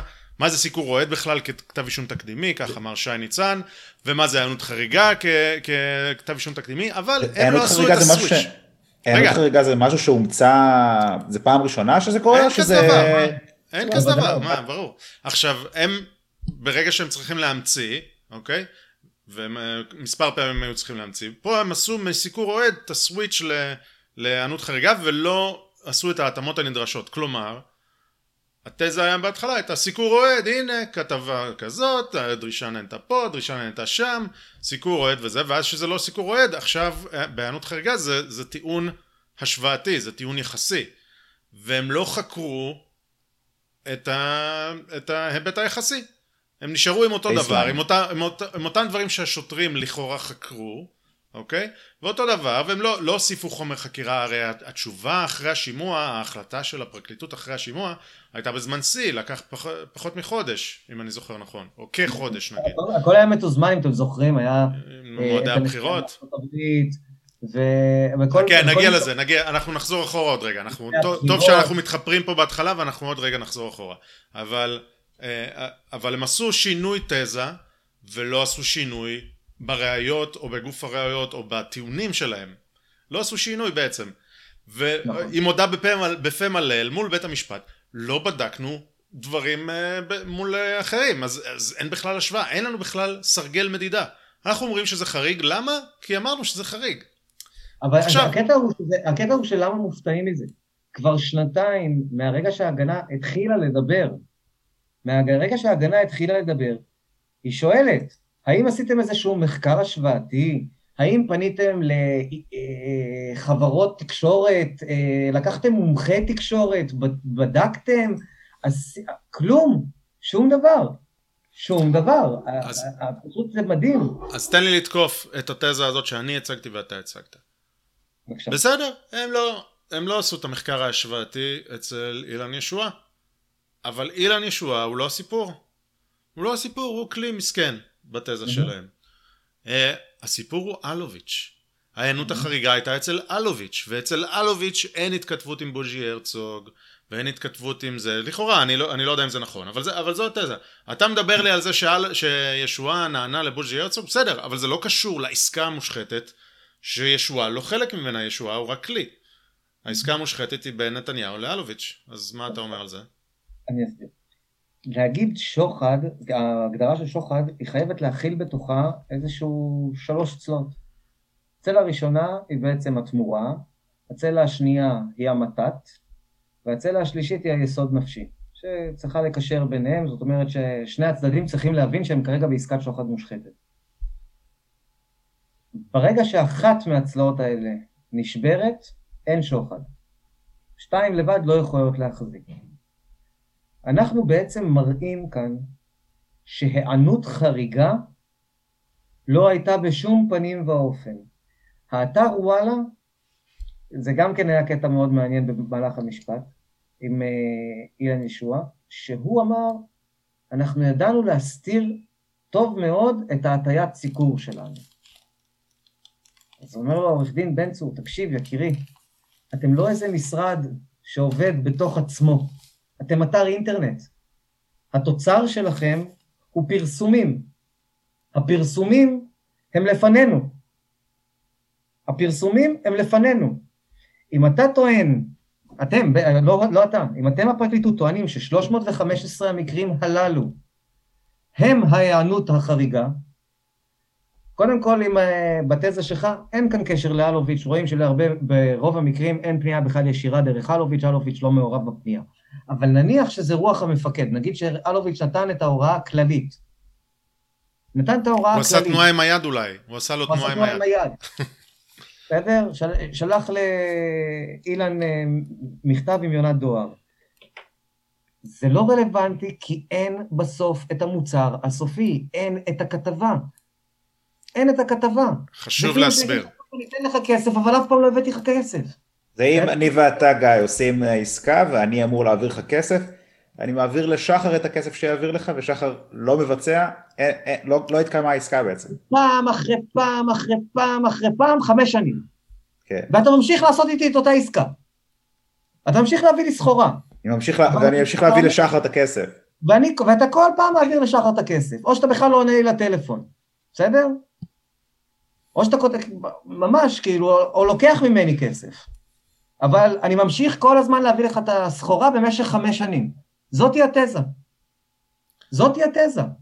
חשוב להסביר שבחוק הישראלי, לפי הפסיקה, אם זה היה הפוך, אז זה עדיין היה מחזיק. כלומר, אם, אם אה, נתניהו היה מקבל תמורה, כלומר, נתניהו היה באופן מובהק, היינו רואים סיקור אוהד, הוא, אתה יודע, מקבל סיקור, אבל הוא עדיין לא נתן את הרגולציה, הוא רק מבטיח, אני אתן, אולי הוא לא מתכוון, אולי לא זה, נכון. עדיין, עדיין היה אפשר להאשים בשוחד, כי עובד הציבור עדיין מחזיק בשוט ועדיין כאילו מתעסק עם שוחד, הוא מקבל מתנה, ועכשיו או שהוא ייתן או שהוא לא ייתן, הוא כאילו מחזיק על רצועת ה... את מי שנותן לו שוחד. אבל בכיוון ההפוך, בכיוון, בכיוון של המתת, זה, זה לא עובד ככה, כי אין מתת, לכן אין רצועה, אין כלב, אין כלום. זה, כן, סליחה, תדייק אותי. לדייק אותך בדבר אחד, כדי להוכיח במצב כזה, זה מצב הרבה יותר קשה להוכיח בו בעצם אה, עסקת שוחד, כשאתה כדי להוכיח בו עסקת שוחד אתה חייב, אבל חייב, אין אה, ימינה או שמאלה, או הקלטה של סיכום הדברים, או כתוב, איזושהי ראייה, איזושהי ראייה פיזית שתתמוך כן. בטענה הזאת. בסדר? זה כן. שעכשיו אתה חושב... שכאילו יש כוונה, כוונה לתת תמורה, ועדיין לא נתתי, אבל אתה צריך להראות, הנה, פה הייתה הסכמה. נכון. Okay. אוקיי. פה הייתה הסכמה. יש עדים שישבו איתכם באותו חדר וסיכמו איתכם ביחד, ואתה אמרת את הדבר הזה והזה. סגרת את עסקת השוחד, אבל לא נתת את התמורה שלך, זה בסדר, זה עדיין עסקת שוחד, אוקיי? אבל לא היה את זה כאן. אז, אז אני, אני באמת רוצה לשאול משהו בנוגע לנקודה הזו. בוא נגיד, בתרחיש דמיוני, ביזארי ולא אפשרי, נגיד ואתר וואלה היה אתר אוהד נתניהו. כמו כזה ערוץ 20 נגיד, במקום, כן. במקום לשד, אה, לפרסם כתבות נגדו, היו מפרסמים כתבות בעדו. כן. אותה סיטואציה בדיוק שלנו היום, רק שזה אתר אה, אוהד נתניהו. אז במקרה הזה, כן, יש לנו שוחד פה? אם, שוב, תראה, אמרתי, צריך להיות שלוש צלעות, צריך להיות תמורה, מתת ויסוד נפשי. אנחנו כרגע מתעסקים רק במתת. ב... סליחה, בתמורה. אה, התמורה שהוא, לא, במתת. מתת, מה שנותנים לאיש הציבור, מתת, מתנה. כן, רק במתת. ובעצם אנחנו עוסקים רק בבט"פ כרגע, ועל התמורה אנחנו יכולים להרחיב עוד פודקאסט שלם, וגם לגבי היסוד נפשי, זה מה שאמרתי מקודם, שמה שארנון אמר לגבי זה שאם היה, זה שיש לך הסכמה לקיים עסקת שוחד, אבל אתה בעצם לא מבצע את התמורה. אז כדי להכניס, כדי בעצם להרשיע מישהו בעסקת שוחד בסיטואציה הזאת, אתה חייב באמת הוכחה לאותו יסוד נפשי. אתה חייב הוכחה שהיא אומרת, אין ספק שהם ידעו שהם נכנסים כאן לעסקת שוחד, זה שאחד לא קיים את החלק שלו, לא פותר את זה מלהיות עסקת שוחד, אוקיי? אבל הם ידעו שהם נכנסים לעסקת שוחד. אז אה, צריך לזה איזושהי ראייה שתומכת בזה, ואת הראייה הזאת כרגע אין כאן, אין כאן. אה, כביכול פילבר וחפץ אמורים להיות הראייה אה, הזאת, פיל, פילבר הוא העד מדינה הכי גרוע שיכול להיות בעולם. אה, מי שעוקב אחרי... מבחינת, מבחינת הפרקליטות.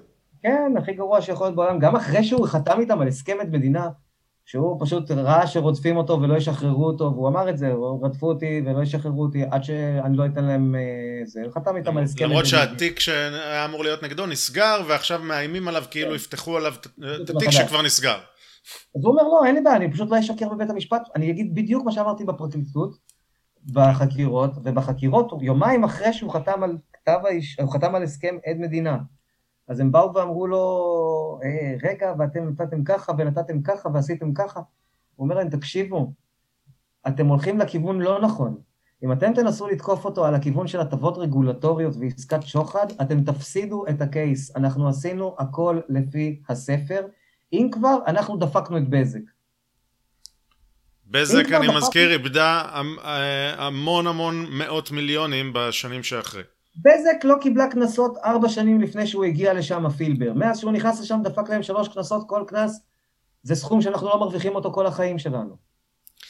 בסדר, אז על הרגולציה, על, ה, על התמורה, יש הרבה מה לדבר ויש הרבה טענות נכון, לכך שעצם זה שלכאורה תמורה, זה, בגלל כל תיק 4000 הזה, מדינת ישראל איבדה כמה עשרות מיליוני שקלים על... על ה... מיליארד, מיליארד. אמרתי מיליונים, התכוונתי מיליארדים, כמה עשרות מיליארדי שקלים. נכון. אה, על, על תשתית התקשורת שלנו והאינטרנט שלנו וזה, אנחנו לא נצלול לזה. עכשיו, אה, בסדר.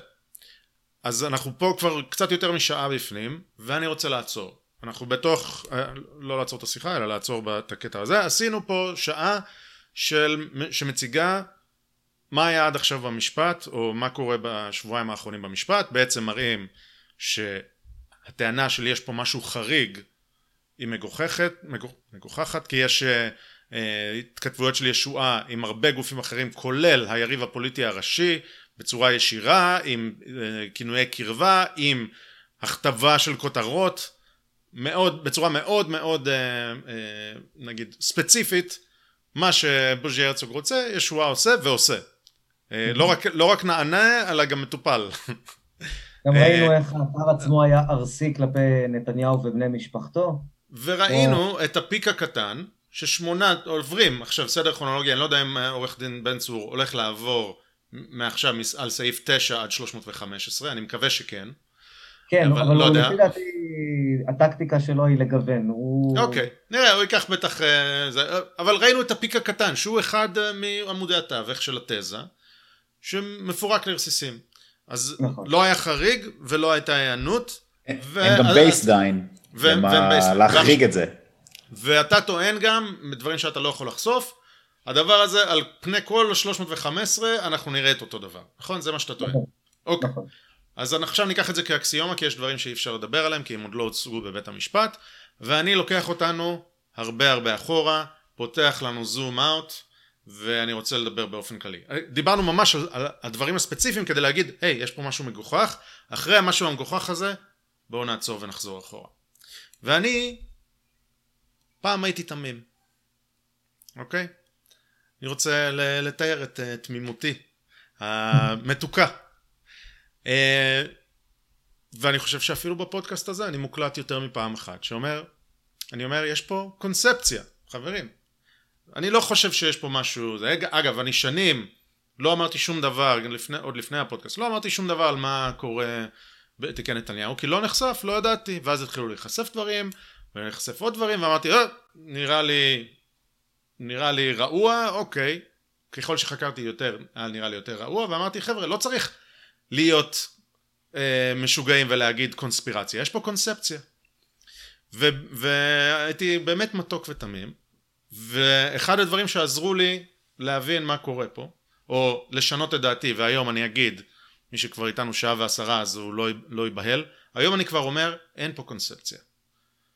יש פה קונספירציה. עכשיו קונספירציה לא אומר שיושבים בחלוקים אה, שחורים בחדר חשוך וזה, מספיק בן אדם או שניים או, ש... או שלושה או לא משנה מה, מספיק בן אדם שאומר זה הראש, זו המטרה, החץ פגע במטרה ועכשיו מציירים מסביב את מה שאנחנו רוצים, לא שמה, אה, אוקיי אז רגע, לא, אני, אני אומר זה יכול להיות ככה, לדעתי זה, יש פה דברים יותר רחבים, אבל, אבל יש הרבה דברים שאני לא יכול להוכיח, אבל אני היום אומר אין פה קונספציה, לדעתי, יש פה מזיד, יש פה עבריינות של אלה שאחראים על אכיפת החוק. ואנחנו עוד שנייה נגיד למה אני חושב ככה, אבל אחד הדברים שלי באמת עזר לעבור את השלב הזה, וציינתי את זה כבר פעם, זה מכיוון שבארצות הברית יש שקיפות ויש מנהל תקין בצורה הרבה יותר טובה מישראל. ובארצות הברית, היום אני יודע, אנחנו יודעים, כל מי שקורא ויודע, שהייתה רדיפה נגד טראמפ שהייתה לא חוקית, שהייתה ריגול של ראשי סוכנויות הביטחון והחוק ומשרד המשפטים וה-FBI וה-CIA היה ריגול נגד מועמד לנשיאות ונגד נשיא. אחרי שהוא היה נשיא המשיכו לרגל אחריו ואחרי זה. יודעים את זה, אנחנו יודעים את זה, למה? כי יש מסמכים ויש עדויות שלהם בשבועה שבהם הם אומרים שהם מעידים שהפתיחת חקירה הייתה על פארש, על כלום. לא היה סיבה לפתוח בחקירה והם פתחו בחקירת ריגול נגד הנשיא. ועוד הרבה מאוד דברים. מה שממש העביר אותי את השלב זה הספר הנהדר של לי סמית, The Plot Against the President, חובת קריאה, אבל הדבר הזה בעצם חשף בפניי איך דברים עובדים במקום שהצליחו לייצר בעמל רב, עם כוח אה, הפעלת מינוף רב של, ה, של הרשות המחוקקת בארצות הברית, של הקונגרס, שיש להם שם הרבה יותר כוח, וזימון מסמכים וזימון עדים והכל, ושם אה, הצליחו להגיע לאמת שהייתה מוסתרת לחלוטין, עם שיתוף פעולה כחלק מהמבצע, אוקיי? של התקשורת, של אה, סוללת כתבים ו, ועיתונים מסוימת, שהייתה חלק מהמבצע, לא אה, אה, הטיית סיקור או לא כאלה שיש להם אה, אה, דעה קדומה, הם פשוט היו חלק מהאופרציה אה, במודע או שלא במודע אגב, כי לדעתי חלק מהם ניצלו אותם, אבל בארצות הברית ראיתי קונספירציה להפלת הנשיא. ויידרש הרבה כדי לשכנע אותי אחרת, כי הר הראיות הוא עצום. ואז עשיתי השלכה לישראל, וראיתי גם הרבה דברים בישראל, כי בישראל יש בעיה להשיג את השקיפות הזאת, אבל נחשפו מספיק דברים כדי לה, להבין שיש פה מזיד ויש פה קונספירציה. אז עכשיו אנחנו עוד שנייה נ, נ, נעבור על כמה דברים כאלה שמראים שזה לא קונספציה, יש פה כוונה רעה, אבל אתה תגיד לי מה לא הסכמת איתי שם באמצע. אמ, אמירה חריפה שלי, אני לא יודע כמה אתם חותמים על זה, אבל... אה, אני יכול להגיד לך מה אני חושב. כן. אני, אתה מכיר את יותם זמרי? בוודאי. אז יותם זמרי, פעם אחת שמעתי אותו אומר את זה, ומאז אני אימצתי את זה. זה... הוא אומר, לא נפגשים באיזה מין חדר אפל, אה, קבוצה של אנשים ומתכננים. זה... חדר מואר עם מרגליות.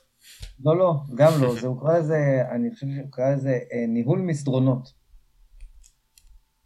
המסדרונות שלנו, אה, מסדרונות השלטון, מסדרונות האקדמיה, מסדרונות התקשורת, מסדרונות מערכת החוק, מערכת המשפט, המסדרונות שלהם אה, מלאים באנשי שלומם ואנשי המחנה, עם דעה אחידה, עם מחשבה אחידה, משובטים להפליא. והם באמת בטוחים במטרה שלהם, והם באמת בטוחים שהם עושים נכון וטוב. אה, אנחנו רואים עכשיו, אה, אנחנו מדברים כאן כרגע ויש חגיגות בכיכר, בגלל החלפת הממשלה. אה, הם לא חוגגים בגלל שהם הקימו ממשלה, הם חוגגים כי הם הצליחו לא, להדיח את נתניהו. Mm-hmm.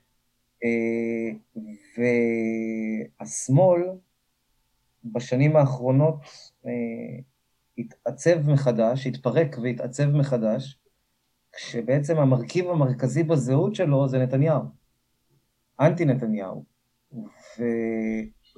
וזה הפך להיות המרכיב הראשי היום. זה המרכיב הראשי בזהות של השמאל, וכשאנחנו אה, מגיעים לאותם אנשים, הם פשוט לא אוהבים את נתניהו. הם פשוט לא רוצים אותו שם, הם חושבים שהם עושים טובה למדינה, הם חושבים שהוא מושחת מלכתחילה, הם בטוחים שהוא מושחת. אתה יודע, לפעמים אני בשיחות, אני מנסה להגיע עם אנשים לעובדות, בוא נדבר עובדות. אתם אומרים לי, מה, אתה רציני? אתה באמת אומר לי את זה? זה ידוע הרי שהוא הכי מושחת שיש. זה ידוע. אה, לי זה לא ידוע.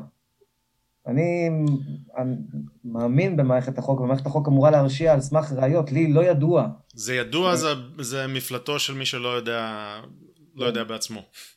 נכון, אז הידוע הזה אה, מוביל אותם, הם בטוחים שהם מצילים את הדמוקרטיה עכשיו, הם בטוחים שהם מצילים את מערכת החוק עכשיו, הם בטוחים שהם מגנים על הבית, הם בטוחים שהם מגנים על השוויון זכויות ועל הקדמה ועל הרבה מאוד דברים.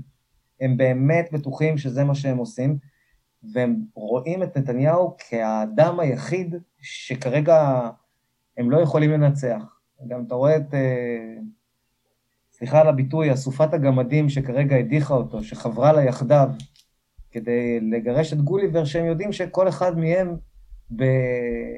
בקלפי לא יכול לנצח אותו. אז חברו להם כולם יחדיו, נתנו לבן אדם עם שישה מנדטים להיות ראש ממשלה, אה, מבדיוק אותה סיבה. בדיוק אותה סיבה. עכשיו, אני אגיד לך משהו. אני לא חושב שבפרקליטות ישראל יושבים אנשים מטומטמים. אני בטוח שליאת בן ארי היא עורכת דין מאוד מוכשרת. אני בטוח שיהודית תירוש היא משפטנית מעולה. בסדר? אני בטוח בזה, הם לא יגיעו לתפקיד שלהם סתם.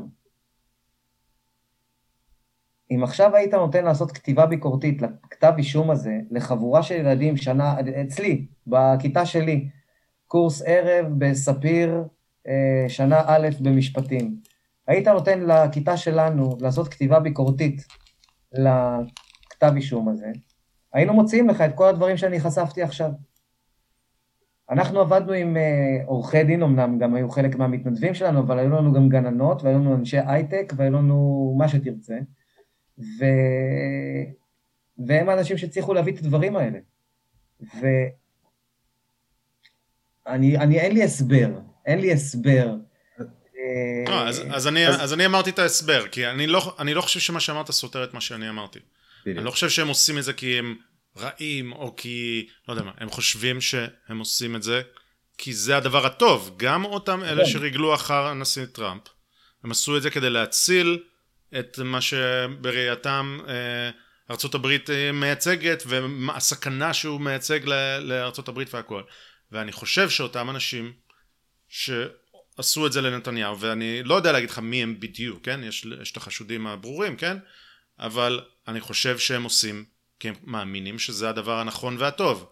אני מזכיר שקמפיין של, uh, של uh, היריבה הפוליטית הכי גדולה של נתניהו לפני שנה היה ארדואן, כן? נת, נתניהו uh, הוא ארדואן וצר... והוא הופך אותנו לטורקיה והוא דיקטטור ואם לא נוריד אותו כחול לבן או ארדואן, כן? אם לא ננצח אותו אז יהיה פה טורקיה ומה זה טורקיה? זה, זה, זה עיתונאים בכלא, זה הפצצות של מטוסי קרב על כפרים במזרח המדינה, זה, זה ארדואן, כן? עכשיו, אני בכלל עכשיו באמצע פריצה לכנסת. כן, בדיוק. ואותם אנשים מאמינים בזה. אני, יש לי חברים שמאמינים בזה, רגע, אבל הוא באמת ארדואן. אז, אז אה, לכן אותם אנשים שהם כמו חברים שלי, ואולי הם אה, מאוד אינטליגנטים ומאוד אה, חכמים ומאוד מסוגלים, זה לא סותר. זה לא סותר את זה שהם עשו פה משהו שהם אומרים, טוב, חצי כוח, אני, פה, פה נעגל פינה או פה נעשה ככה, כי זה יותר חשוב. הטוב הכללי יותר חשוב, יותר, אה, יותר זה, ו, ויש את האמירה שאני מאוד אוהב של תומאס סול, שאין בורות מסוכנת יותר מזאת של המשכילים, כי הם קשה לשכנע אותם שהם טועים, וגם אה, הם עושים הכי הרבה נזק כי הם נמצאים במקומות... בעמדות מפתח.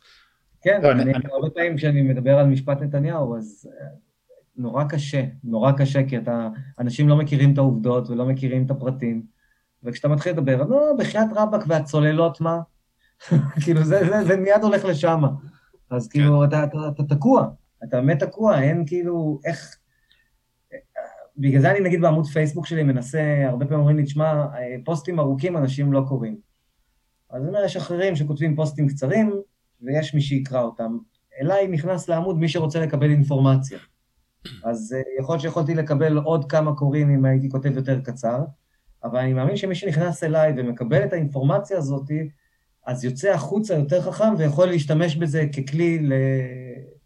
להעביר את זה הלאה, אה, ולנהל את הוויכוח או את הדיון הבא.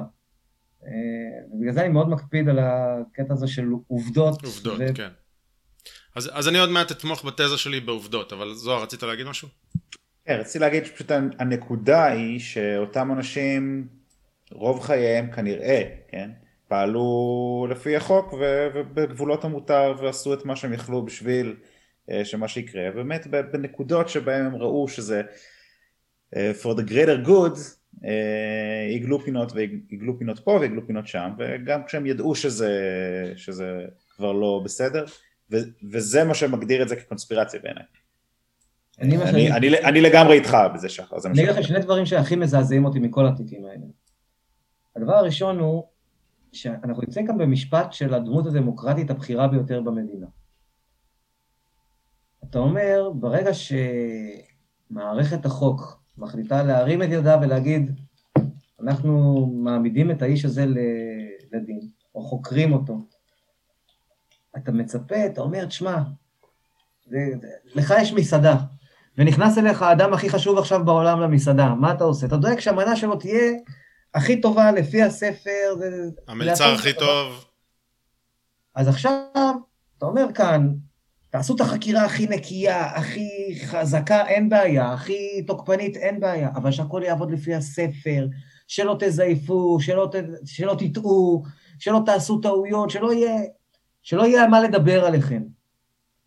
וכאן אנחנו מגיעים לצונאמי שלא מפסיק מהרגע הראשון לתת מתנות, לתת אסונות, לא יודע איך תרצה להגדיר, תרצו להגדיר את זה, אבל זה צונאמי שהתחיל מהרגע הראשון, מאיך שהתחילו תהליכי הבדיקה, ועד שנפתחה חקירה, ונתנו, לא ניתנו אישורים אה, לאותן חקירות, ואז איך התנהלו החקירות עם העבירות ה...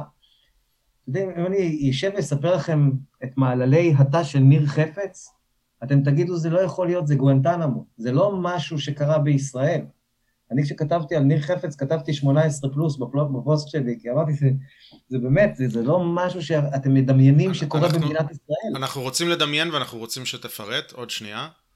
ו- ואנחנו, ואנחנו נצלול, כי, כי באמת זה מאוד חשוב, כל מיני דברים שאתה התחלת לפרוט פה, כדי ל, לטעון טענה כל כך חמורה כמו שזוהר ואני אמרנו, של קונספירציה. אז, כן. אז, אז לפני, אז אנחנו עכשיו נגיע לזה עוד רגע, אבל צריך להגיד, המהלך הגדול פה, או ההשפעה של הדבר הזה, של הקונספירציה במרכאות הזאת, היא אה, גרמה לזה שתוצאות הבחירות, התיקו הפוליטי הזה שאנחנו נמצאים בו שנתיים, או נמצא, היינו בו עד עכשיו, הוא במידה רבה בגלל הדבר הזה, הכאוס הזה הוא במידה רבה בגלל הדבר הזה. אני לא יודע להגיד מה היו תוצאות הבחירות אחר כך. אני זה... כן יודע להגיד שאני מכיר אנשים שאומרים, טוב, אני לא, אני לא רוצה להצביע על השחיתות הזאת.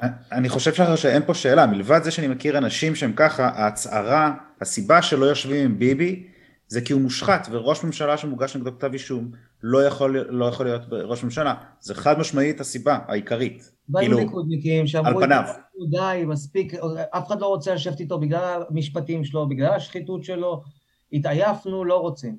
אנחנו כן. ראינו בין הבחירות השניות לבחירות האלה, 250 אלף קולות נעלמו לנו. כן. נעלמו לנו בפריפריה, פשוט לא באו להצביע. אז חלק מהאנשים באמת, באמת גם אם הם לא השתכנעו, הם נמאס להם לשמוע ויאללה עזבו אותנו, נכון. תעברו לה. עכשיו, אז, אז הדבר הזה הוא חלק מה... מה המערכת האקולוגית הפוליטית כולה, אה, וכן, מדברים על תיקו פוליטי, הרי, הרי כחול לבן והליכוד יכלו להתאחד בהרכב מלא ולהיות ממשלה של 70 ח"כים, בלי חרדים, בלי ימינה, בלי כלום. שתי מפלגות היו 70, 72 אפילו ח"כים, אבל בגלל שהייתה פסילה פרסונלית על הנאשם. אז זה חלק מהאקוסיסטום הפוליטי. אז זה, זה משהו שחשוב מאוד להבין, ועוד משהו שחשוב להגיד זה שבאמת יש פה אה, קבוצה מסוימת שכן החזיקה את הקו ואמרה לא, יש פה משהו שהוא, שהוא מסריח, יש פה משהו שהוא, שהוא לא מסתדר, הכתב אישום הזה לא מסתדר ולכן עמדו מאחורי, אני, אני אישית לפני שלוש או ארבע שנים אה, אולי קצת יותר בסלון ביתי אל מול אה, אבא שלי אמרתי לא אם מגישים נגדו כתב אישום הוא צריך להתפטר וצריך ללכת. אני אמרתי את זה מהפה שלי. ו- וככל שהזמן עבר ויש כתב, והיה כתב אישום, אני הפכתי את עמדתי לחלוטין, כי פשוט ראיתי את הפרטים. אמ, אז, אה, ואני יכול לדמיין הרבה מאוד אנשים שלא צללו לפרטים כמוני, לא כי אני, אה, אתה יודע, יכול להבין. פשוט היה לי זמן ו- והיה לי מש- מספיק אנרגיה ללכת לצלול לפרטים ולראות את הדברים האלה שנחשפו והם מטורפים. ועכשיו עוד משפט לפני שנגיע, אני מבחינתי העמידה של נתניהו יחד עם אותו אה, ציבור שכן עמד מאחוריו, עצם זה שהוא לא ויתר ועצם זה שהוא לא אולי אה, היה מוכן לעשות מהלכים שיאתרגו אותו כמו שקרה ב-2004-2005 אה, עם שרון. אה, חשף והוציא הרבה מאוד מוגלה מאותה מערכת.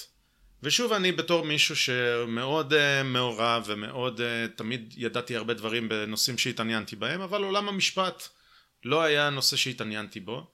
ואני בכלל היית שואל אותי לפני חמש שנים, שש שנים מה זה הפרקליטות, לא בטוח שהייתי יודע לענות לך ואיך זה עובד ולא הייתי יודע כלום והנה אני עכשיו הפכתי לסוג של משפטן חובב ואתה הפכת למשפטן לא חובב אתה ממש לומד משפטים בגלל, בגלל הדבר הזה נכון. וההבנה של מה קורה ואילו דברים מהותיים צריכים להשתנות במערכת הזאת בכלל בלי קשר לנתניהו פשוט חשף בפנינו הרבה מאוד ובשיחה המקדימה שלנו אמרת שאתה תספר לי איך נחשפת לפרקליטות אה, מלפני יותר מעשור אז בואו נדבר על זה ואז נצדיק את הקונספירציה שדיברנו אז בואו בוא רק נדבר על.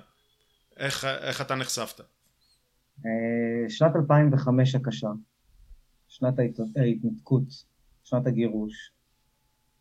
אה, אני אה, אבא צעיר שהולך לבצע מחאה, עולה על אוטובוס, רוצה להגיע להפגנה בנצרים. המשטרה עוצרת לנו את האוטובוסים בדרך. רגע, עלית בבאר שבע? עליתי בבאר שבע. אוקיי, ואיפה עוצרים? אמ, אני לא זוכר איפה זה היה בדיוק, כשעצרו אותנו, עצרו אותנו בדרך. אה, איימו עלינו, מי שרוצה להמשיך, שפשוט יעצרו אותו אה, ויכניסו אותו למעצר. וסובבו לנו את האוטובוס, אחרי שעה שבערך היינו שם, והחזירו אותנו לבאר שבע. אה, ילדות בנות 14 נעצרו למעצרים של 14 יום, כי הן לא היו מוכנות לחזור הביתה, ולא היו מוכנות אה, לתת את השמות שלהם, למרות שהשמות שלהם היו ידועים, ההורים שלהם אה, באו לשם ומה שאתם לא רוצים. ילדה בת 12 נעצרה למעלה מעשרה ימים. כל הילדים האלה, בית המשפט, אה, השופט, המשטרה לא נתנה להם לבקר לא את, עורכי, לא הדין שלהם ולא את ההורים שלהם. אה, רגע, ילדה בת 12 לא ראתה את ההורים שלה כמה ימים? לא ראתה את ההורים שלה ולא את העורך דין שלה. כמה זמן? שמו אותם בתאים במשך עשרה ימים. שמו אותם בתאים עם בגירות, עברייניות. אה, השופט מזוז הגדיר אז חסימת כבישים כמרידה, כמרד. הוא היה אז היועץ המשפטי לממשלה, הוא אמר הפרשנות שלנו לחסימת כבישים זה... הוא אמר מידע, זה לא זכרתי, אבל כן, כן, כסיכון חיים, כניסיון רצח למעשה. ניסיון רצח אני מכיר, כן, לא? 20 שנה עונש, כן. הוא רצה לתת 20 שנה עונש של חסימות כבישים. אני מכיר שהוא אמר ניסיון רצח כי זה יכול למנוע מאמבולנסים אה, להגיע, כן. זה היה... הפרקליטות פשוט לקחה את כל זכויות האדם שאנחנו מכירים אותם, שראינו איך מגנים עליהם. מי יכול לחלום שיעצרו היום, אנחנו באמצע מגפת קורונה, מישהו חלם לעצור את ההפגנות? מישהו יכול היה לעצור את ההפגנות? לא. אז שמה עצרו אותנו עם האוטובוסים, לא נתנו לנו להתקדם. עצרו ילדים, קטינים, הפרקליטות לקחה את כל זכויות האדם, אפסנה אותם למשך חודשיים כדי לשרת את המטרה שלה, ואני אז הבנתי שהדבר האחרון שמעניין אותם זה זכויות אדם. אני אז, ב-2005, הבנתי שהדבר האחרון שמעניין את החבר'ה האלה זה זכויות אדם.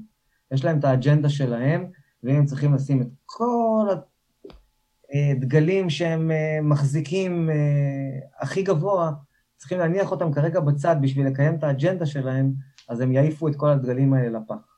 וזה מה שהיה שם ב-2005. אני מזכיר שאנחנו חודש אחרי, ששוב, חברים שלי אמרו לי שהייתה תסיסה ומהומות, פרעות וזה, בין השאר כי חוסמים מתפללים מלהגיע להר הבית וחוסמים אנשים מלהגיע להפגין בצ'ך ג'ראח ועצרו אוטובוסים בכביש אחד שאני אגב אני לא יודע אם זה קרה אבל אם זה קרה יש לי עם זה בעייתיות גדולה זה צריך לקרות במקרים סופר סופר סופר ספציפיים שקשורים לטרור וזה אני לא יודע מה היה אוקיי? אז אז הנה הצדקה לפרעות. אז אז אני אומר אני מפגין מצביע על הצביעות כי אני אומר מבחינתי אם לא היה שם שיקולים של טרור ממש אז היה צריך גם בשייח' ג'ראח לתת לו אוטובוסים וגם בגוש קטיף לתת לו אוטובוסים פשוט השערורייה הסלקטיבית. והדמוניזציה לא נגברת, עדיין מדברים עליהם כדמונים, למרות ש-99% מהאנשים, מאותם 9,000 איש שגורשו מביתם, עזבו בדמעות ובחיבוק, ועזבו בבכי ובעצב, ולא באלימות ולא בשום דבר, והם עדיין נחשבים הדמונים, ועדיין, אה, כשראינו עכשיו את אה, המאורעות... השקר של, ה... של החומצה שעדיין... אה, כן, ועכשיו אנחנו רואים את המאורעות שהיו השנה, אז ישר זה להסביר למה הם התנהגו באלימות, ואנחנו בכלל אשמים, ואנחנו הלא בסדר. אז אני שם הבנתי עם מי יש לי עסק, ומאז מערכת המשפט, אני קורא מילה, ואני בודק אותה, אם אומרים שיום, אני בודק שיום ולא לילה, אה, כי לצערי, לצערי, זה המצב אמון שלי מולם. אה, זה לפני שנתניהו אה, חזר לתפקידו כראש ממשלה. אוקיי. בוא, בוא, בוא, יש לך עוד משהו להגיד על זה, או ש... לא, לא, זהו. בוא, בוא עכשיו נצדיק טיפה את הקונספירציה, ואין לנו הרבה זמן, ננסה לרוץ על כל מיני דברים שהיו פה, שהם לדעתי אי אפשר לייחס להם, לפחות לחלקם, ובטח שלא לסריה של הדברים שאנחנו נדבר פה, אי אפשר להגיד זה הכל בטעות ותום לב והנה חזקת התקינות ופה ושם. המצבור של הדברים האלה וכמובן חלק מהדברים האלה באופן מספיקים בפני עצמם להגיד חבר'ה יש פה אנשים שאיבדו מעצורים ורסן בדרך להשיג את המטרה ומפרים כל חוק כדי אה, לנסות לכאורה לאכוף את החוק במרכאות אז אה, נתחיל, ב, נתחיל בזה. החקירות בכלל אה, נפתחו, נפתחו גם במק... בתיקים השונים, הם נפתחו בלי חשד ספציפי בחלק מהמקומות. דיברו כן, עם... מה שאנחנו רואים מהחקירות שאותן ניסו להסתיר הפרקליטות, הם לא הגישו אותן כחלק מחומרי ההגנה, וההגנה נאלצה לחפור עם דחפורים מאוד מאוד גדולים ובג"צים גם. שהתקבלו אה, כדי להגיע לחלק מאותן אה, חקירות, ויש עוד חקירות שיגיעו, שבעצם רואים שהם לקחו מקורבים לנתניהו. עוזי ירד לדוגמה? אנשים שעבדו איתו בעבר, אנשים שהיו ת"פ שלו בעבר, הושיבו אותם ואמרו להם, יש לכם משהו לספר, לספר לנו על נתניהו? אולי אה, איזשהו חשד? אולי אפילו רק שמועה? אה, תיתן לנו כבר את החומר, אנחנו כבר נשיג את האישורים. משהו לצייר איתו את המטרה סביב החץ שכבר תקענו. נכון, נכון, בדיוק. אה, גם אם אין לך ראיות, והם אומרים את המילים האלה, מילים מדהימות, מילים מדהימות מתוך פרוטוקול חקירה, שרואים איך הם עושים fishing, לא חוקי, אסור, בעליל, על פי כל דין, אסור לחקור אדם, אתה חייב לחקור עבירה, ובעצם לוקחים כאן אדם ומנסים לדלות האם יש למישהו מהסביבה שלו איזשהו משהו. אוקיי, okay. עכשיו חקירה או בדיקה נגד ראש ממשלה, יש דבר כזה שנקרא בדיקה, שגם הוא דורש אישור על פי חוק יסוד של היועץ המשפטי לממשלה. הבדיקה זה גם איזושהי המצאה, אבל כל האישורים צריכים להיות באותו סטנדרט, כלומר באישור היועץ המשפטי לממשלה, ואנחנו יודעים כבר כעובדה שאין אישור רשמי של היועץ המשפטי לממשלה, כלומר אין אישור בכתב, שלום החלטתי שפותחים חקירה א' ב' ג' זו המסגרת, זה מה שמותר, זה מה שאסור, מסמך כזה אין. אתה אמור לציין אה, מה שנהוג, הרי יש את החוק עצמו, החוק עצמו נכון, לא כתוב בו שזה צריך להיות כתוב, ולא כתוב בו שהם צריכים לציין אה, מהם גבולות הגזרה, ולא כתוב בו אה, למה הוא פתח את זה. אבל אנחנו מדינה עם 73 שנים של חוק. יש כאן כל כך הרבה נהלים שכבר... נוהג, נוהג חוקתי, כמו שמשתמשים במקומות אחרים. יש כאן כן. אה, הרבה פעמים מקרים שהוגשו נגד קאדי, קאדי, הוגש נגדו כתב אישום, אז, אה, או פתחו בחקירה, אז זה היה צורך באישור יועמ"ש, ועד היום כל החקירות האלה נפתחו כולם בכתב.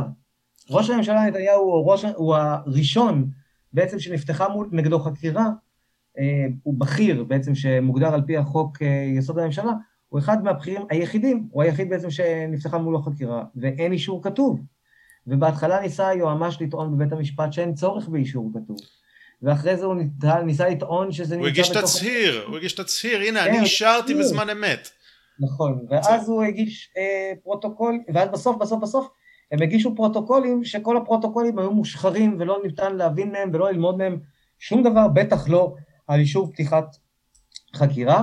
מה שכן הוא מנסה בפייק שלו, בפייק תגובה שלו כל הזמן להגיד, ואני אישרתי לאורך כל הדרך, אתם תשמעו את הדוברים שלהם, גם את גליקמן וכל אלה בתקשורת, ואני אישרתי כל מהלך לאורך כל הדרך. זה לא, לא מעניין. זה לא מעניין, זאת לא השאלה. אם אישרת במהלך הדרך פעולת חקירה כזאת או אחרת, סבבה. האישור הראשוני, למה בכלל פתחת בחקירה? למה בכלל נכנסנו לכאן? מה הם היו הראיות שהוצגו בפניך בתחילת הדרך, שבגללם. שגרמו לך. לפתוח כן. בחקירה? מה הם הצעדים שאישרת להם לבדוק? מה עם גבולות הגזרה שאישרת להם לבדוק? בכלל, מה העבירה שאישרת לבדוק? אין כאן כלום. אין יותר כאן כלום. מזה. ואני חוזר, ואומר, ואני חוזר ואומר, מול קאדי, כשהיום מגישים לקאדי כתב אישום, ופותחים מולו בחקירה, זה הדברים שעושים. אז לראש ממשלה מכהן, לא עושים את זה? הרי למה נוצר החוק? למה נוצר חוק היסוד שבא ואומר שפתיחה נגד, אה, בחקירה נגד אה, ראש ממשלה חייבת אישור יועמ"ש? למה יש חוק מיוחד שבא ואומר שראש ממשלה יכול להמשיך לכהן למרות שהוגש נגדו כתב אישום עד פסק דין חלוט? כי בעצם שני הסעיפים האלה באים להגן על הדמוקרטיה, באים לנסות ולהגן בפני מצב שבו פקיד מגיש כתב אישום ומפטר בעצם ראש ממשלה. הלכה למעשה מפטר ראש ממשלה. אתם מבינים שפקיד שאחרי זה, במשפט הוא יכול לצאת השם זכאי, לא משנה מה, אבל בעצם ברגע ש... אה, האלה נוצרו, זה כדי למנוע מצב של פגיעה בדמוקרטיה. והוא כאן פשוט משת... הופך את החוק הזה לחוק טכני. חוק טכני. אה, כן הייתי צריך, לא הייתי צריך, השארתי בעל פה, דיברתי איתה בטלפון, ישבתי איתה בפינת הקפה ואמרתי לה, יאללה, סבבה, תתחילי. זה לא עובד ככה, זה חקירת ראש ממשלה. תראו מה זה עשה כאן בארבע שנים האחרונות. ויש לנו תקדימים, יש חקירות נגד שרים, נגד ראשי ממשלה ונגד כל המקומות האלה, צריך את האישור. עכשיו, יותר מזה, גם אם נקבל את התזה במלואה, וההשחרות האלה מהוות פרוטוקולים של דיונים שמאשרים והכל, למרות שכשקוראים אותם, חוץ מזה שמגחכים, לא בדיוק אפשר להבין מה ניתן לחקור ולמה והכל. יש פעולות חקירה שאנחנו יודעים היום, יודעים, שקרו לפני אותו אישור לכאורה. גם אם קיבלנו את כל, ה... את כל הלקרדה שאתם מאכילים אותנו, עדיין אנחנו יודעים שקרו דברים לפני. אתה זוכר את הפרטים? כן, בוא, בוא ניקח את דוגמא את תיק 4000. הוא כן. פשוט, יש שם את הכוכבים שאני אוהב את כולם. והוא בעיניי גם הכי, אחד המדהימים. אפשר גם אה, את, אה, תכף נגיע לרוטנברג. כן, אוקיי. תכף נגיע גם לרוטנברג, עם תיק 2000. אוקיי.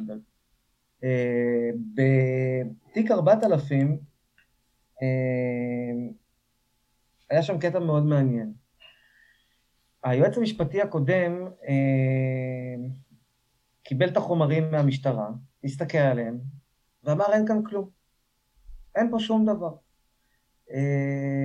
אני לא רואה כאן סיבה לפתוח בחקירה.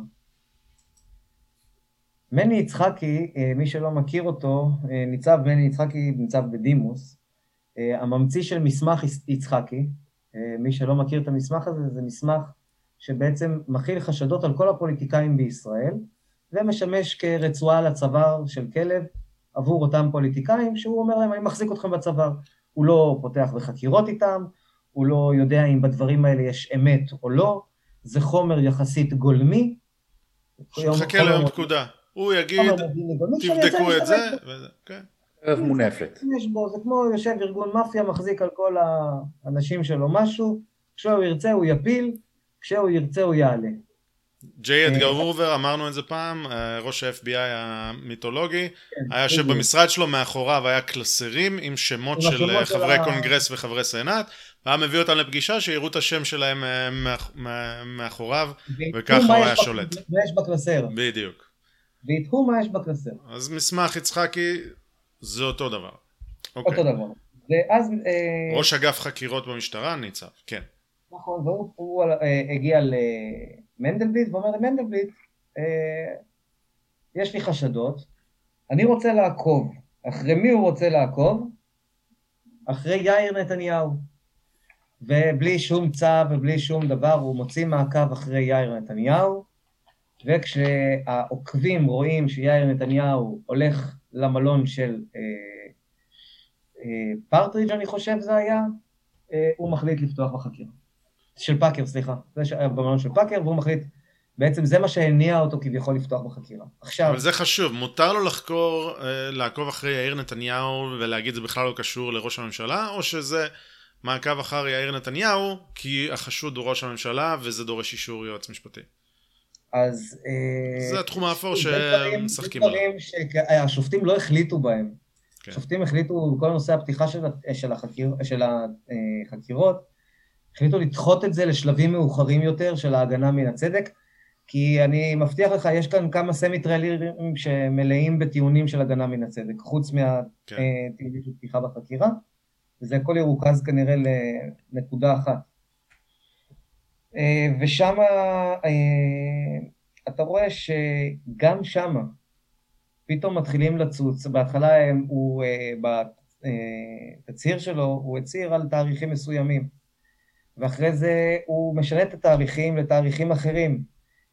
והתאריכים שהם אמרו בהתחלה, הם גם היו תאריכים אחרים. בעצם תאריכי הפתיחה בחקירה שונו שלוש פעמים על ידי הפרקליטות בעצמה. אה, כשכל פעם מצליחים להוציא חומר יותר ישן. אה, ובתיק 2000, לדוגמה, אה, כולם יודעים. אבל התק... התקבענו, אני חושב, יכול להיות שזה היה בתיק 1000, התקבענו על אישור יועמ"ש ביולי 16, ויש חומרי חקרה ראשונים מפברואר 16, נכון? לא, זהו, ש... זהו, שחלק מהשאלה שעולה כאן, איך יכול להיות שתיק 2000 ניתן האישור לפני תיק 1000? איך זה הגיוני שלתיק 2000 ניתן האישור לפני תיק 1000? כרונולוגית. למה? אה, כי, כי קוראים לו 2000? מה זה? בגלל השם של התיק? כן. אם אה, לקחתם את תיק, עשיתם תיק, עשיתם תיק 1000 ועשיתם תיק 2000. איך עכשיו אתם טוענים שהאישורי היועמ"ש לתיק 2000 ניתנו לפני האישורים לתיק 1000? לא, יותר מזה, אישור... החוקרים, החוקרים כותבים תיק 2000 לפני שהיה אישור חקירה לתיק 2000, כלומר, נכון, הם, הם יודעים כבר את שם התיק, זה אומר שהם כבר חקרו וכבר היה תיק. עכשיו, אתה רואה, בש... אה, מה ששם היה, זה הייתה חקירה של ארי ארו, שבתיק גם כן, שוב, כרגיל לא קשור. אה, טריק שנקרא 3H Global, חברה שארי ארו הוא שותף בה. אה, דרך אגב, זאת אה, אסטרטגיה מוכרת, לקחת את כל הסביבה של, נת... של עוד בן אדם שאתה רוצה, להכניס אותם לתוך איזה מין מערבולת, לשקשק את כולם, לכל אחד אתה דוחף איזשהו אה, כתב אישום או חקירה שלא קשורה לעניין שלו, ומנסה לשקשק אותם, לראות מה ייפול מהבצ... מהכיסים ומה הם יוכלו לפלוט על נתניהו. ובעצם מה שהיה שם זה שהם, אה, אה, במחשב של ארי ארו, אה, היה צו חיפוש לחפש דברים שקשורים ל-3H גלובל. איכשהו כביכול, זה היה הטענה שלהם, הגיע בתוך המחשב הזה, אנחנו רואים שיש את הקצין רוטנברג, שהוא בעצם הבן זוג של ג'ודי ניר מוזס, שבן זוג, שאח שלה הוא הנאשם בתיק 2000, והיא שותפה בידיעות אחרונות, בקבוצת ידיעות אחרונות, והבן זוג שלה, אה, רוטנברג, הוא הקצין חקירות שמנהל את חקירת המעונות ומנהל את חקירת 3H Global. והוא בעצם בעל הגישה למחשב שלו, ושם יושבים כל אותן הקלטות של נתניהו עם נוני מוזס. רואים תמלול, שהתמלול הזה נעשה והגיע במקרה בטעות לעורכי הדין של נתניהו, תמלול של רוטנברג שנעשה בערך שנה לפני המועד של הכתב, אה, של החקירה, של הפתיחה בחקירה. אה, ויש תמלול שהוא נעשה אחר כך. זאת אומרת שמה שקרה כאן זה שהחומר היה בידיים של רוטנברג כבר לפני כן. הוא תמלל את אותן שיחות. חקר, הלך לקבל אישור וכיסתר. הם החזיקו אצלהם את החומר במשך שנה. הם לא רצו שידעו שהחומר ישב אצלהם שנה, ואז הם תמללו את השיחות מחדש כדי שכביכול יהיה מידע חדש להציג לעורכי הדין. אבל... אה, שיבוש הליכי בטעות... משפט, אני לא יודע אם, אה, אם יש סעיף אחר ש, שמתאים פה, אבל אוקיי. השיבוש השיבוש הליכי משפט והשיבוש הליכי חקירה הם כל כך הרבה יותר חמורים. כן. לא, אז אנחנו בונים לאט לאט, אוקיי, אז, אז רוטנברג, היה לנו את המעבר של פילבר מתיק אחד לתיק אחר כמדינה, היה לנו את החקירה נגד יאיר שאמרת. החקירה התחילה בעצם לפני כן, מבצעים, בואו, יש בדיקה, מה זה בדיקה? בדיקה זה שאתה מקבל אליך ראיות ואתה בודק אותן ומחליט האם אתה מבצע חקירה או לא. לשלוח מעקב אחרי בנו של ראש הממשלה זה לא בדיקה, זה חקירה לכל דבר ועניין. נכון. זה, זה צעד חקירתי קשה ו... אנחנו אה, יכולים להראות כאן שלאורך הדרך בבדיקה so called היו חיפושים במחשבים, צווי חיפוש לבתים, פעולות חקירה מאוד אגרסיביות ומאוד קשות שנעשו כאן, תחת ההגדרה של בדיקה, כי לא היה אישור יועמ"ש לחקירה. ו- וצריך להגיד, בנוהל של בדיקה משטרתית, כתוב שאסור לעשות את הדברים האלה, ממש, זה לא... אה, אתה אמור לבדוק את החומרים ואת הראיות... האם יש לך סיבה להתחיל לחקור את הדברים האגרסיביים. האם יש כאן בסיס? לזה, אתה יכול לבקש השלמה של הבדיקה, משהו קטן, אבל כאן נעשו פעולות חקירה אגרסיביות וקשות אה, של מעקבים וחיפושים וכולי וכולי, שזה לא בדיקה, זה חקירה לכל דבר ועניין, אתה פשוט, אין לך בסיס לפתוח בחקירה, אז מה שאתה עושה, אתה מגדיר את זה כבדיקה, אתה לא מקבל אישורים לכלום, ואתה עושה את החקירה, ככה. עד שאתה כן מצליח להביא משהו שיכול להגיד, הנה, עכשיו יש לי אישור, משהו כדי אה, לפתוח בחקירה אמיתית. אוקיי, okay, אנחנו ממשיכים. היה לנו אה, עוד... אה, אה, ארי אר הוא בעצם זה שלקחו את הדברים מתיק אחר. היה לנו את אלי קמיר ש... סליחה, מה? אני אומר, החלק הזה של הפתיחה בחקירה באמת הוא... אבל די מיצינו אותו, בסדר? מיצינו אותו. בסדר, לא, יש לנו פה עוד, אנחנו ממשיכים להתקדם, כן. ואז כן. נפתחה חקירה עצמה, ואז שמה אנחנו מגלים אה, תרבות מפחידה. באמת, אני לא חושב שמישהו מהמאזינים שלכם יכול לדמיין את הדברים שכרגע אני אספר לו. ואני אקח את ניר חפץ, כי הוא באמת המקרה קיצון הגדול ביותר שהיה שם. אה, ניר חפץ, היה לו תא קסמים. ואני מזכיר ש, שאתה אומר שהיועמ"ש אומר, אני ליוויתי את הכל, אני אישרתי את הכל. בצד היה... אחד, ואחרי שתתאר את מה שאתה מתאר, על זה הוא אומר לא, את זה אני לא ליוויתי ולא ידעתי, וזה קרה יותר מפעם אחת. אותו דבר גם ככה עם אלוביץ'. כן, אז זה היה לו תג סמים אמרת? כן, תג סמים. ניר חפץ בכלל אה, עבירות מס, לא קשור לנתניהו, נחקר עליהן. אתה קורא את התמלולים והוא אומר להם, אני יודע מה אתם רוצים, אני מבין מה אתם רוצים, אתם גמרתם אותי מחר, אני בגללכם עכשיו צריך למכור בית אחד, הלך לי הבית, הלך לי הזה, הלך לי הזה. ואז הם, אה, והם ממש אומרים לו, כן, כאילו, זה ממש, הכל גלוי שם, הכל על השולחן שם. ואז מתחילה, אה, ממשיכה חקירה, הבן אדם אה, הוא העצור, העצור לפני משפט הכי ארוך בישראל, זה בן אדם שקיבל את המעצר לפני משפט הכי ארוך בישראל בצווארון לבן, בעבירות צווארון לבן. מעולם בן אדם בישראל... תגדיר לנו רגע צווארון לבן. עבירות מס, עבירות כאלה, עבירות שאינן אלימות. כן, נגיד שאין חשש שהוא יברח ולא כלום, והוא פשוט... אה, שמו אותו שם בתור הבן אדם שקיבל הכי הרבה זמן. כמה, כמה זמן זה?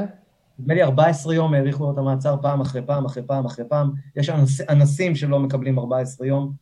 אה, יש פורעים מלפני חודש, אנחנו עכשיו פורעים שאחרי כמה שעות או לכל היותר ימים חוזרים הביתה. נכון, אנשים שפיצצו באחרים בלינצ'ים. פיצצו אנשים במכות בלינץ' הבן אדם ישב שם 14 יום. אוקיי. ואז הכניסו אותו, לא הכניסו אותו לתא מעצר רגיל, הכניסו אותו לתא מעצר שיושב בתוך אה, יח"א. אה, יחידה ארצית לחקירות הונאה, כן. נכון. אה, ושם, בתא הזה, יש עיר קטנה של פשפשים עוקצניים. אני לא יודע אם הם מוחזקים במיוחד בשביל זה, אבל יש שם עיר קטנה של פשפשים עוקצניים. הוא נכנס לתוך התא. literally, לא... מה זה? כאילו, literally. כן, פשוטו כמשמעו. הם מכסחים אותו, והוא אה, יום אחרי יום אחרי יום, והוא חוזר למפקדים שם, ואומר להם, לחוקרים שם, ואומר להם, תקשיבו, אני צריך רופא. הם מכסחים אותי. אה, הוא איש חולה סכרת, והוא פונה אליהם ואומר להם, תקשיבו, אני לא מקבל לאכול. אני ב-36 שעות האחרונות, נתנו לי סנדוויץ'. אני 36 שעות אוכל סנדוויץ'. ואחרי זה הוא פונה אליהם ואומר להם, אה, אני רוצה לכתוב מכתב למפקד היחידה. אז הם אומרים לו, למה אתה רוצה לכתוב מכתב למפקד היחידה? הוא אומר להם, בגלל המצב שלי של הרעב. אני רעב, לא, אני לא מקבל מספיק אוכל, וכל המעברים מכאן לתאי מעצר, מהמעצר לבית המשפט, לחקירות, לזה, אני לא, אני לא מקבל לאכול. אז הוא אומר, אתה לא חושב שאתה חוצפן? והוא היה במצב כל, נפשי כל כך גרוע, שהוא פשוט אה, אמר לו, סליחה, סליחה, אני מתנצל, אני מתנצל שאמרתי את זה, אם אתה רוצה, הנה, אני קורא, אני קורא את הדף, אני קורא את הדף, אני לא אשלח את המכתב הזה. אה, הוא לא ישן, הבן אדם מחזירים אותו לחקירות בשעה שתיים בלילה, ובשעה חמש בבוקר מוציאים אותו חזרה מהתא, אחרי שלוש שעות שהוא נמצא בתוך התא. תכף אנחנו נגיע לתא הקסמים. אה, אה, בחקירה עצמה, הוא נרדם להם מול הפנים פעם אחרי פעם, ואז הם אומרים לו, טוב, אז תעמוד, אם אתה לא מצליח להישאר, תעמוד. ואז הוא עומד, ואז הם צוחקים עליו, על זה שהוא עומד. אה, הפעמים הרבות שהוא מבקש שם רופא, הם לא נותנים לו רופא, אה, ואומרים לו שאצלהם רופא מקבל רק מי שצריך אמבולנס. אתה צריך אמבולנס? לא, אני לא צריך אמבולנס, אז אתה לא מקבל רופא. דברים שלא קיימים בחוק הישראלי. מניעת טיפול רפואי, מניעת שינה, מניעת מזון. חבר'ה, זה לא שבוי מצרי, גם לשבוי מצרי בזמן המלחמה היינו מתנהגים אחרת. יש לנו אסירים ביטחוניים בישראל שלומדים לימודים אה, אקדמיים ויושבים עם אה, טלוויזיה בחדר. הבן אדם הזה לא נתנו לו לאכול, לא נתנו לו לישון, לא נתנו לו רופא, לא מנעו ממנו את הזכויות הבסיסיות ביותר שלו. בתוך התא שלו, מה שעשו לבן אדם הזה, הכניסו לו לשם, אני מההתחלה, אני אחד הראשונים, אני חושב שאני הראשון שכתב על זה, שלפי, שלפי דעתי שתלו לו מדובבים בחדר. ולמה חשדתי בזה? כי הוא מתאר בהגנה, בכתב הגנה של נתניהו, מתארים שהוא, הבן אדם ישן שלוש שעות, כאילו, הוא נכנס לחדר לשלוש שעות, לתא מעצר שלו לשלוש שעות, בין החקירות, ששם בזמן הזה הוא אמור לישון, ובזמן הזה, ברוך השם, כל האסירים שנמצאים בתא, פוליטיים. כולם פוליטיים, כולם בעד נתניהו, נגד נתניהו, כולם מכירים אותו, יודעים שזה ניר חפץ, כולם יש להם דעות, חלק מאיימים עליו בגלל זה, פתאום באמצע הלילה מתחילים מכות באמצע התא שלו, מגיעים למצב שמאיימים עליו על החיים שלו, אה, הוא מרגיש מאוים, זה שבר אותו מבחינה נפשית, וככה עובר לו עוד לילה ועוד לילה ועוד לילה. ואז הם מגיעים למצב שאומרים לו, תשמע, אנחנו בדקנו את הטלפון שלך וגילינו כל מיני דברים מעניינים, גם דברים מעניינים שלך. כשהם רומזים לו על החיים האינטימיים שלו. ואז אומרים לו, אנחנו יודעים על הבחורה, ואנחנו נהרוס לך את המשפחה. והשוטר מספר לו, אני גם לא דיברתי עם האבא שלי. גם הילדים שלך לא ידברו איתך. כשהם ידעו על כל מה שאתה עשית. אנחנו נהרוס לך את התא המשפחתי. הם אומרים לו את המילים המפורשות האלה.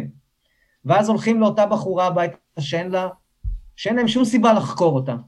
הולכים אליה הביתה, עושים לה צו חיפוש בבית, שעד היום אנחנו לא יודעים מה, מה היה הסיבה, העילה לצו החיפוש, עדיין אנחנו מחכים לזה, זה הכל תחת צו איסור פרסום. אה, אני אומר רק מה שמותר לי להגיד.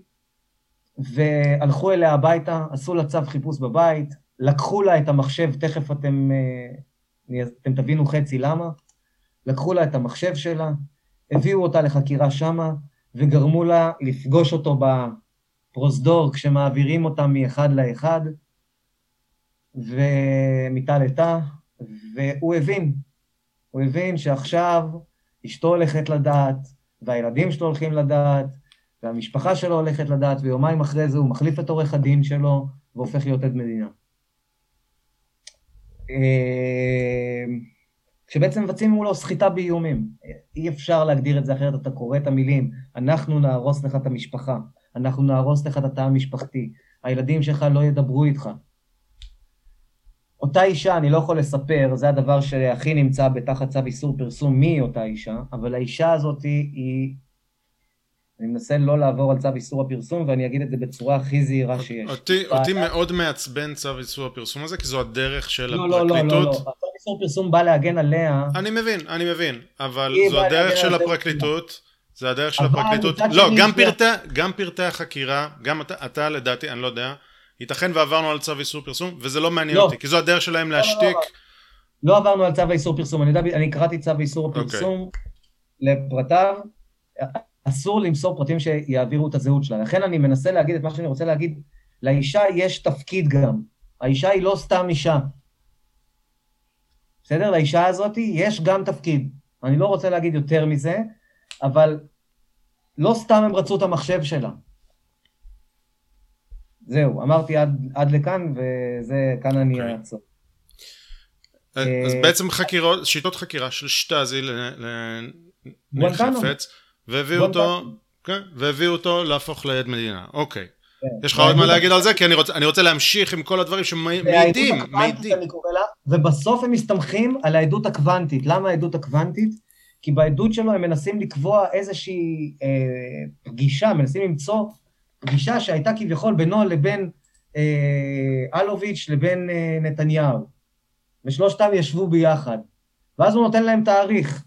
ואז הם חוזרים ואומרים לו, לא, לא, זה לא התאריך הנכון. ואז הוא נותן להם עוד תאריך. ואז הם בודקים במחקרי תקשורת ורואים שהטלפונים גם לא היו שם, אומרים לו, לא, לא, זה גם לא נכון. ואז הם יוצאים איתו מחד... מתוך חדר החקירות ואין פרוטוקול במשך 20 דקות, ואז הם חוזרים וכל התאריכים מדויקים פתאום.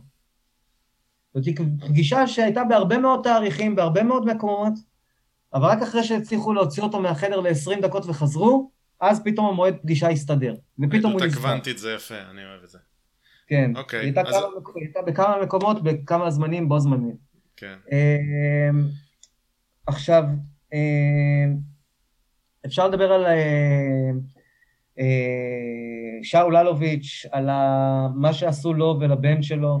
שלקחו את הבן שלו והשפילו אותו וריסקו אותו, ואת שאול אלוביץ' שאמרו לו שהבן שלו החייל, הם הולכים לעקל לו את חשבון הבנק שלו. הם אה, נכנסו אליו הביתה כשאין להם צווי אה, עיכול, אין להם צווי חילוט, היה להם צווי חיפוש. הם נכנסו אליו הביתה ובאו עם שתי משאיות וחילטו לו אה, תכשיטים וחילטו לו אומנות מהקירות והורידו לו ולאשתו את טבעות הנישואים מהידיים ואת העגילים מהאוזניים. ואחרי זה בית המשפט נזף בהם קשות אחרי זה והחזיר להם חלק אה, מסוים מהרכוש, אבל חלק מהרכוש עדיין, כמו תיק ההשקעות שיש לו עם אח שלו שלא מעורב בפרשה, תיק השקעות בשווי 80 מיליון שקל, אה, שיושב כבר שנה וחצי בערך אה, בידיים של הפרקליטות, נמצא שם, והוא לא מנוהל, הוא הפסיד 20 מיליון שקל בתקופה הזאת. הוא הפסיד 20 מיליון שקל בתקופה הזאת, כי התיק לא מנוהל, הוא תיק מחולט, הוא נמצא בפרקליטות, הוא פשוט המניות מוחזקות, ואף אחד לא מנהל אותם. בלי קשר הפסיד... להוצאות, כן?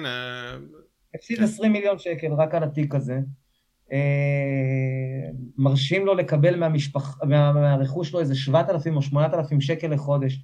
הבן אדם טייקון על, היה הבן אדם שהחזיק את אה, יורוקום, את אה, חברת חלל, כל הלוויינים, עמוס, את בזק, את וואלה, זה בן אדם שאי אפשר היה להתקרב אליו בכלל. זה טייקון שמזיז היה, הוא חבר של כל הפוליטיקאים בישראל, הוא חבר של כל האנשי מפתח בישראל, הוא במילה שלו היה מרים ומוריד בכוח של ראש ממשלה. ותראו לאיזה רמה של אפסות הם הביאו אותו. אפסות, הוא צריך לקבל 7,000-7,000 שקל בחודש מהם כדי לחיות.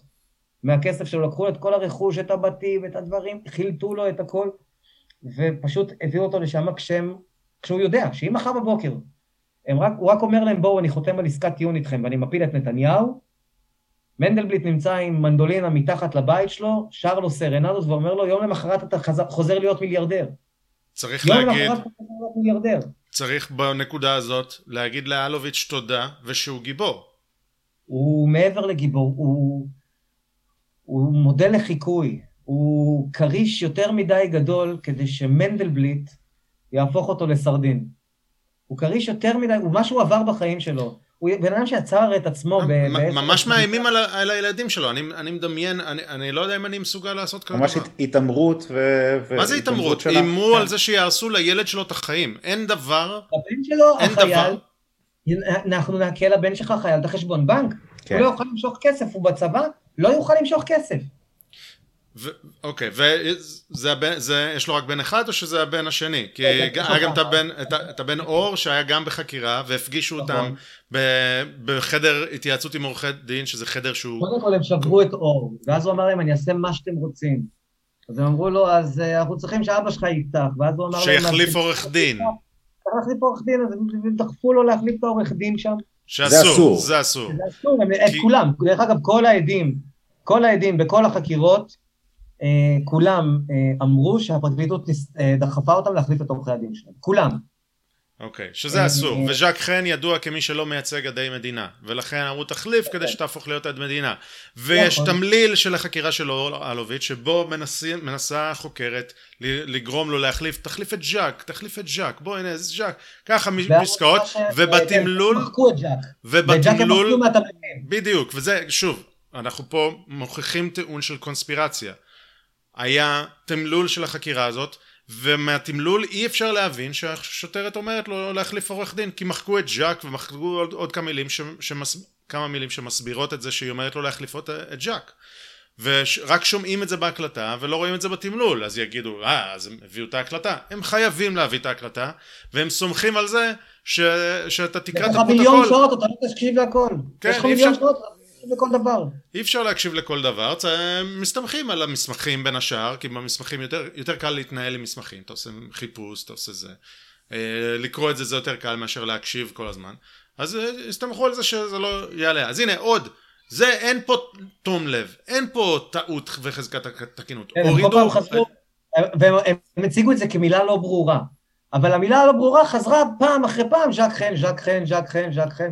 ואותו הם לא הבינו, ואת הדברים הספציפיים שמעידים על זה שבעצם אה, הם אה, ניסו לשכנע אותו להחליף את עורך הדין. ואז אחרי זה מפגישים אותו עם אבא שלו בחדר שאסור להקליט, כי זה חדר היוועצות. אז הם עשו תרגיל, לא לא, הם עשו תרגיל יותר יפה מזה. הם הוציאו את אוקיי. שניהם מהחדרי חקירה שלהם, אחרי שהם שברו את אה, אור ושברו את אלוביץ' וניסו לשבור את אלוביץ' והם מדברים, מדברים איתו, אל תדאג למשפחה שלך ותחשוב על המשפחה שלך והמשפחה שלך והמשפחה שלך, ואז הוציאו את שניהם מהחדרי חקירה, ובמקרה הם נפגשים במסדרון. ושאול, אחרי שהוא לא ראה את הבן שלו כמה ימים, ושזה, והוא רואה את הבן שלו שבור, והוא כועס ועצוב, וזה, והוא מבקש כמה דקות עם הבן שלו, והם אומרים לו, אתה יודע מה, אנחנו נהיה נחמדים איתך, ניתן לך כמה דקות עם הבן שלך. ומכניסים אותו לחדר ההיוועצות עם עורכי הדין, מתוך המחשבה שהוא יבין שחדר ההיוועצות עם עורכי הדין זה המקום היחיד שהוא יכול לדבר עם הבן שלו בלי שיהיה חשש שהוא מוקלט. כי חדר ההיוועצות של עורכי הדין מוגן בסוביוביצה, ובעצם הוא יודע שעכשיו הוא לא, יהיה, לא יוקלט. והם מכניסים אותו לתוך החדר, והבן שלו מנסה לשכנע את, את אה, שאול בעצם אה, להחליף את עורך הדין כדי להגיע, להגיע לעסקת טיעון, ואז הוא אומר לו, אור יקירי, גם אם אני אחליף עוד מאה עורכי דין, זה לא יעזור. ז'ק חן הוא לא הבעיה, הם רוצים שאני אשקר. הם רוצים שאני אתן להם דבר שלא היה. הם רוצים שאני אגיד, לך, אגיד להם דברים שלא קרו. אני לא יכול לשקר. אז אה, את הטקסט המדהים הזה... אה, שיח כמובן, על פי תומו. כן, שהוא לא יודע שהוא מוקלט ולא... אה, הפרקליטות כמובן לא הכניסה בתוך חומרי החקירה, ולא בתוך רשימת חומרי החקירה. זה הגיע בטעות בתוך uh, ערימות של הקלטות, uh, ונמצא שמה, uh, והודלף אחר כך... שזה הוקלט, כן, שוב, שזה הוקלט ואסור היה להקליט את זה. בטעות הם שמו את זה בערימה, כן. כן. מדהים. זה שזה הוקלט זה אסור היה, ובטעות הם שמו את זה בערימה. ו... ובטח ולהסתיר, הקלטתם כבר, אז הקלטתם, אסור לכם להסתיר. אתם חייבים, אתם חייבים להציג את ה, גם עדויות מזכות וגם עדויות מפלילות. יש לכם כאן את ה, אחד הנאשמים מסיח לפי תומו, הקלטה שלכם. ובעצם הדברים האלה נמשכים לכל אורך הדרך. אתם יכולים לראות, שלמה פילבר ניהל, בעצם כשהוא התייעץ עם העורך דין, הוא ניהל מחברת. מחברת כזאת שבה הוא רשם לעצמו הערות. עוד דוגמה. הוא רשם לעצמו הערות. אה, מגב, מג, אה, מחברת כזאת היא מן הסתם מוגנת, אה, שוב, בהסכם חיסיון בין עורך דין ללקוח. כשקוראים את התמלילים, רואים שמדברים על המחברת, ואז פילבר אומר, אתם יודעים מה? תביאו את המחברת לכאן. ואז מביאים את המחברת ומתחילים לדון על מה שיש בה. אוקיי? אחד, המחברת מעולם לא הוצגה להגנה. שתיים, כשמקשיבים לת... להקלטה, פילבר בכלל לא בחדר בשלב הזה. ומי שאומר, אתם יודעים מה, תביאו את המחברת, זה בכלל אחד החוקרים. יו. זאת אומרת, אחד החוקרים מפר את הסכם החיסיון בין העורך דין לקוח, ובעצם הם מזייפים את התמלילים כאילו כדי להסתיר את זה. ומציגים את זה כאילו פילבר אמר את זה כדי להגיד, פילבר הוא זה שוויתר על החיסיון שלו בעצמו. מדהים. מדהים. אוקיי. ושתבינו, זה מה שעורכי הדין צריכים להתעסק בו, בלהשוות בין מאות אלפי דפים שכתובים טקסטים לבין מאות אה, אלפי שעות שיחה של הקלטות של אה, זה. תבינו מה, במה אנחנו מתמודדים כאן. אני הנקודה שלא יודע אם להגיד שברה אותי, אבל מה שגרם לי להתהפך בדעתי, היא אולי, אולי בגלל שלא נחשפו עד אז הרבה דברים, אבל זה היה דווקא הגשת כתב האישום, יותר נכון, תזמון הגשת כתב האישום. רגע, אנחנו מגיעים, אנחנו מגיעים. רגע, לפני זה נשאר במשטרה, אתה צודק. לך. ניגוד עניינים בחקירה, הניצב שאחראי רוני ריטמן אומר, בכלל של... נתניהו שלח מישהי להתלונן, להתלונן נגדי בהטרדה מינית. הוא אחראי. הרב פקד צדיק, שהיא מתעללים בה עד היום במשטרה. אז רגע, רגע, אני אגיד לך משהו יפה על זה. החוקר בקצינת צדיק היה חוקר נוסף עם ריטמן, שהגן אה, על ה... החוקר שהגן על ריטמן, בסדר? Okay. אוקיי. החוקר שהגן על ריטמן okay. כן. בפרשת צדיק, והוא פרש, הוא פרש מהמשטרה. החוקר רוטנברג, שהבן זוג של ג'ודי ניר מוזס, זה שהטריד את אה, זוודלנה גורודצקי. נכון. שאמר לה, אם את לא תגידי על נתניהו, אני אכניס אותך לנווה תרצה. סבטלנה גורודצקי התלוננה על הטרדה מינית נגד מני נפתלי, ובאה בתלונה שלה, ואותו רוטנברג אומר לה, תגידי שביבי שלח אותך, אחרת אנחנו שמים אותך בכלא. מישהי שבאה להתלונן, אוקיי? כן, איפה ארגוני אנשים, לא ידוע, מחפשים אותם עד היום. גם הוא פרש. ניר פלד, הקצין שניהל את החקירה העבריינית נגד ניר חפץ, שסיפרתי לכם הרגע כרגע, וגם כל החקירה עם אה, אותה אנונימית, אה, גם הוא פרש. אה, מי שעשה לאלוביץ' את התרגיל האסור בחדר חקירות, גם פרש. שי ניצן שהוביל את כל התיק הזה, כמובן כולנו יודעים, והוא סיים את התיק רגע לפני הפרישה.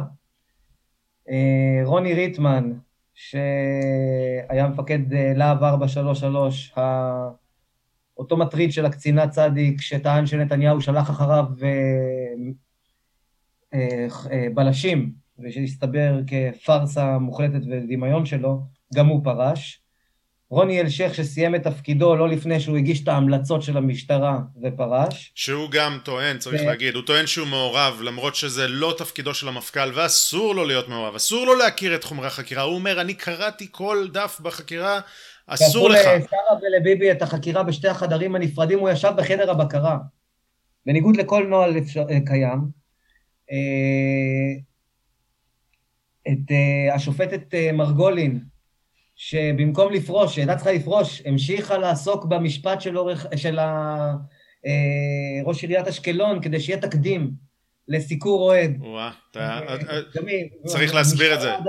היא המשיכה אחרי הפרישה שלה רק בשביל להוציא את הסיקור. צריך להסביר, היא אקסיט פרקליטות, היא באשקל... במחוזי באשקלון, נכון? אז היא גם לא יכולה ליצור תקדים. וראש עיריית אשקלון עמד לדין, הוסיפו לו שם סעיף של סיקור אוהד, כדי שיהיה, זה לא יהיה רק אצל לא- נתניהו.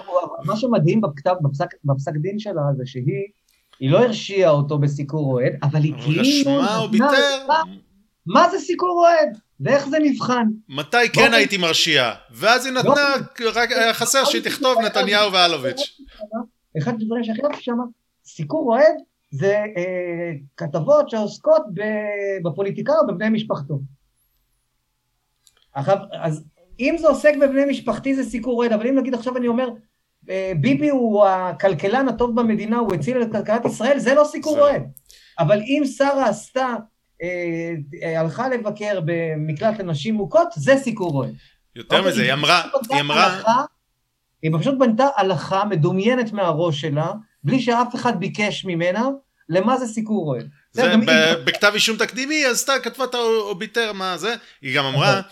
אם גוף התקשורת הוא בדרך כלל נגד בצורה חריפה, וההטייה אולי לא הטטה את כל הסיקור נגד, אבל היא פשוט נגד הקו המרכזי, אז זה, אז זה הרבה יותר חשוד כסיקור אוהד. כלומר, ככל שהאתר נגד נתניהו יותר, ככה לטענתה, לפי האוביטר שלה, הסיקור אוהד יותר חזק, כי נתניהו מבקש שם שיאזנו משהו, לכן, אה, לכן זה, אלה התנאים לסיקור אוהד, כי זה שינוי קו. והאחרון, אלי אסייג, תת ניצב אלי אסייג, האיש שאמר בראש חקירת 4000 המדהימה, שדיברנו עליה שעה שלמה אה, בתחילת הפודקאסט הזה, אה, גם הוא פרש.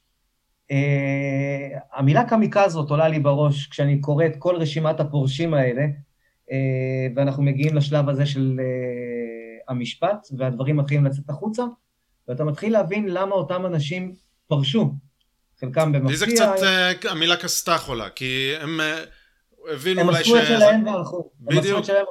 הם צריכים לעמוד לדין האנשים האלה, צריכים ללכת נכון. לכלא. אבל לא...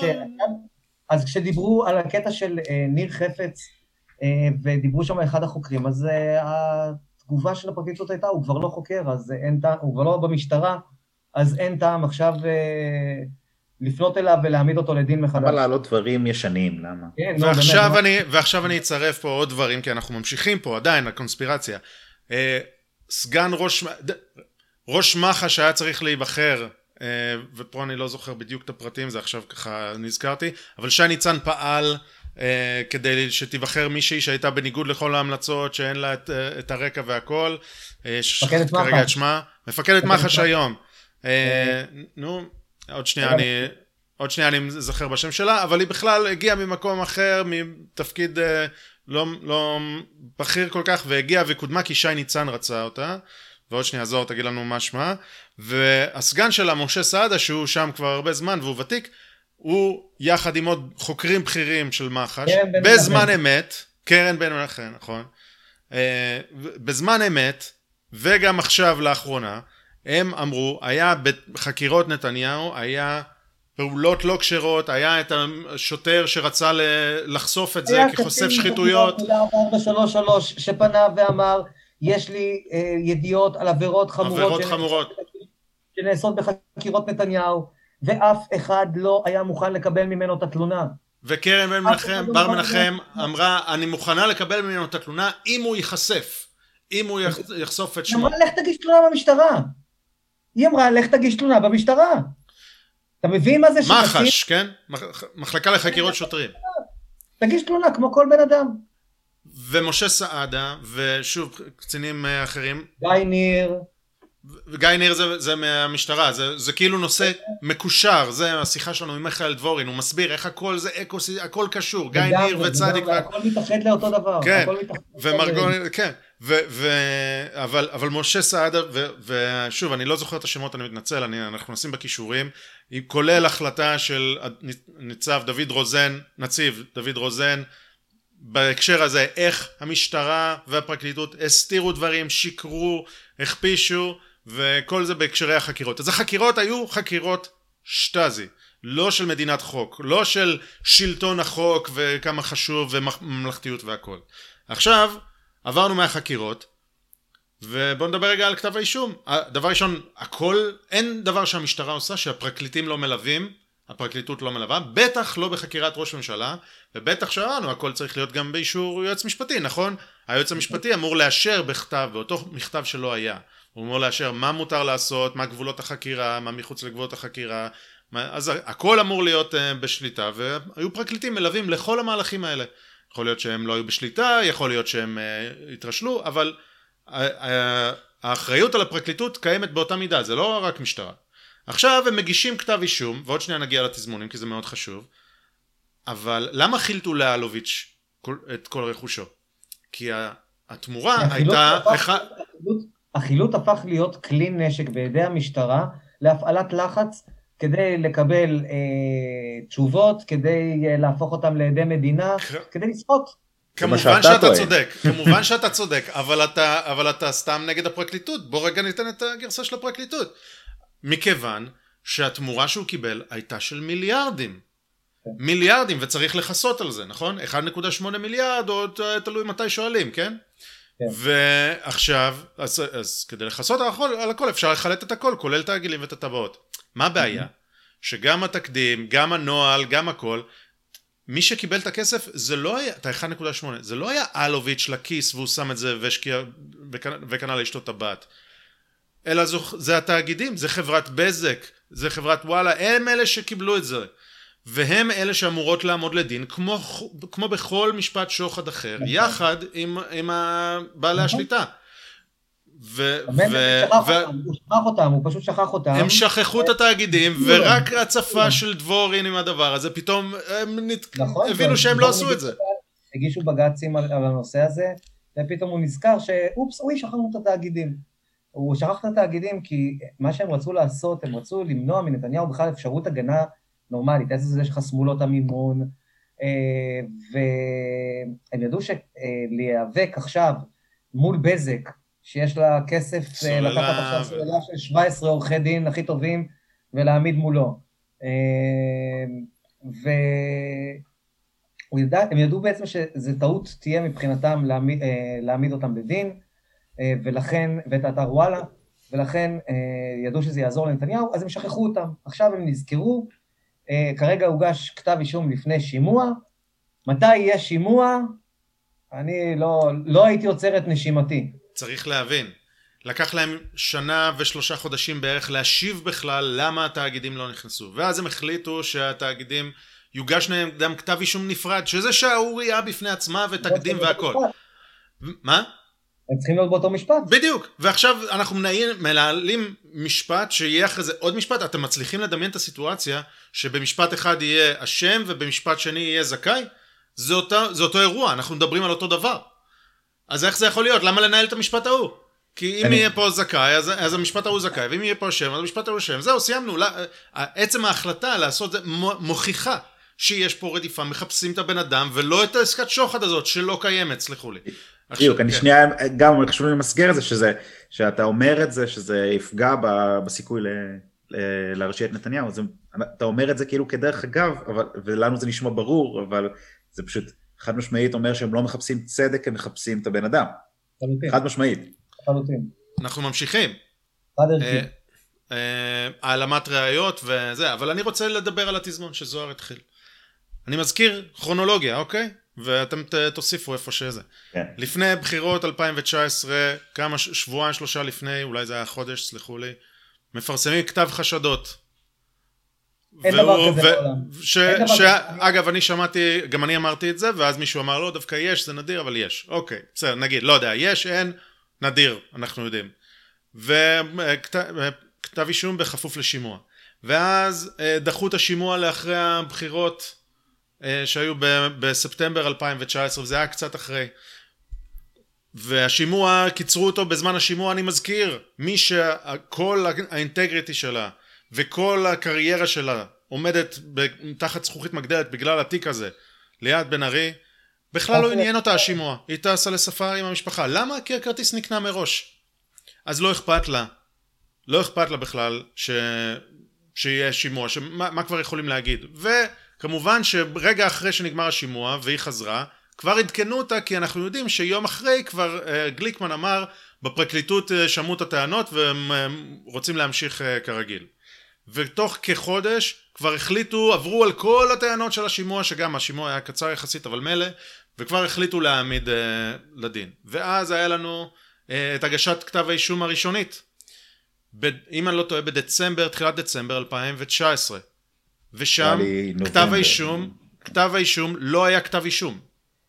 כן, לא זה שכשמנדלבליט עמד ואמר בלב, בלב כבד, כבד, אבל נכון. שלם, ממש נאום אה, חוצב להבות, נכון. זה היה לה... בין הבחירות הראשונות לשניות בעצם. לא, בין השניות סליחה, לשלישיות. בין השניות לשלישיות. נכון, ושם הם עשו את זה מהר מאוד, בשיא, ממש שיא עולמי, וזה, כי אנחנו רואים, את התאגידים הם עדיין בכלל לא קבעו מתי שימוע, שם כבר אה, רצו ל, ל, לאחרי השימוע. ומנדלבליט הגישו לכנסת, אה, את כתב האישום, וזה לא היה כתב אישום, כי לא היה בו עדים, ולא היה בו עוד כל מיני דברים, ולכן זה לא תקין וזה לא כתב אישום, על פי הדין. אז היו צריכים לתקן אותו, זה תיקון ראשון של כתב האישום. אנשים שוכחים את זה, אבל היה כבר תיקון לכתב האישום, הם היו כל כך מיהרו. אה, ואז היה לנו את ה... לפני בחירות ב-2020, תוך כדי שנמצאים בוושינגטון. אני מנסה להיזכר, שנמצאים בתוכנית המאה, גם גנץ וגם אה, נתניהו. אה, נזכרתי, כי הרי היה דיון חסינות. דיון חסינות בכנסת, אז בגלל זה ההגשה לבית המשפט הייתה צריכה לחכות לאחרי הדיון בכנסת. טראמפ הזמין. פגיעה כאן יש בזכויות, בזכויות של נתניהו, שאנחנו בשנה האחרונה בערך, משהו כמו שש פעמים אה, התביעה נאלצה להעביר חומרים, חומרי חקירה להגנה, ואנחנו צריכים להבין שנתניהו עמד בשימוע כשכל החומרים האלה מוסתרים. מוסתרים. מטורף. אז רק אני אסיים את התזמון, בזמן שהם נמצאים בארצות הברית וגנץ חוזר לדיון בחסינות, נתניהו עושה לו את הטריק וויתר על, אה, על הדיון בחסינות, ויתר על החסינות שלו, ותוך פחות משעה כתב האישום הוגש לבית המשפט, והיום אנחנו יודעים שזה גם כתב אישום מאוד מאוד לא תקין. למה? כי אין בו בכלל אישום. לא שמו את 315 הראיות שהתחלנו איתן את השיחה. לא שמו שם עוד הרבה סעיפים, התייחסות לנתניהו ומשפחתו וכולי, וכדוגמת, כל מיני דברים שאין בכתב אישום. אז, אז פשוט הזה... אצה למה דרך. וכל הדברים האלה, התזמון, יחד עם זה שאין פה שום דבר שהוא בסטנדרט של כלום, מראה פה, מוסיף פה לתמונה שאולי שכנע אותך זוהר והייתה חלק מרכזי. הדבר הזה שם מבחינתי את החותמת, הגושפנקה הסופית, כי, כי בעיניי, אם היה פה רדיפה אחר צדק, והיו מחפשים למצוא את האמת, אז התזמון לא היה חשוב. השדה הפוליטי וכל מה שקורה, בחירות, לא בחירות, אין לזה חשיבות בכלל, זה, זה לא נוגע לתיק בשום צורה. היו עושים, בונים את התיק כמו שצריך, היו מגישים את כתב האישום כמו שצריך. אין, אין לי פה ספק שמיהרו וניסו לעשות את זה בתזמון שישפיע על, ה, על, ה, על הבמה הפוליטית בעצם. זו הסיבה היחידה שזה, שזה קרה כמו שזה קרה. אחרת אני לא רואה שום, שום הסבר לתזמון הזה. ואז עם פתיחת, עם פתיחת המשפט ראינו את הסתרת חומרי החקירה, ראינו איך מתדרכים עדים, את אילן ישועה פגשו שבע פעמים, נתנו לו דפי תדריך.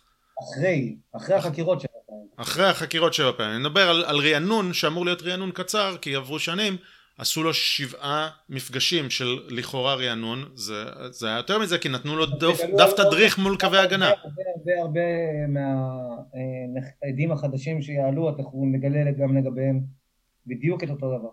אוקיי, okay. אז ההצגה הכי טובה בעיר, ואני, אנחנו לא בישראל, אבל אני מניח שכל החקירה הנגדית נגד ישועה לא שומעים על זה בחדשות דממה, דקה. אה, זה רציתי רגע משהו עכשיו להגיד, זה רשמתי לעצמי בגדול פה את זה, רציתי להגיד את זה בסיום, מה מצבנו מבחינת זמנים? אה, בוא נסיים ב-15 דקות הקרובות, אבל אה, כן, זו נקודה חשובה עכשיו, על הזרוע התקשורתית של המבצע. כן, תראו, עזבו רגע את נתניהו בצד, עזבו את הכל בצד.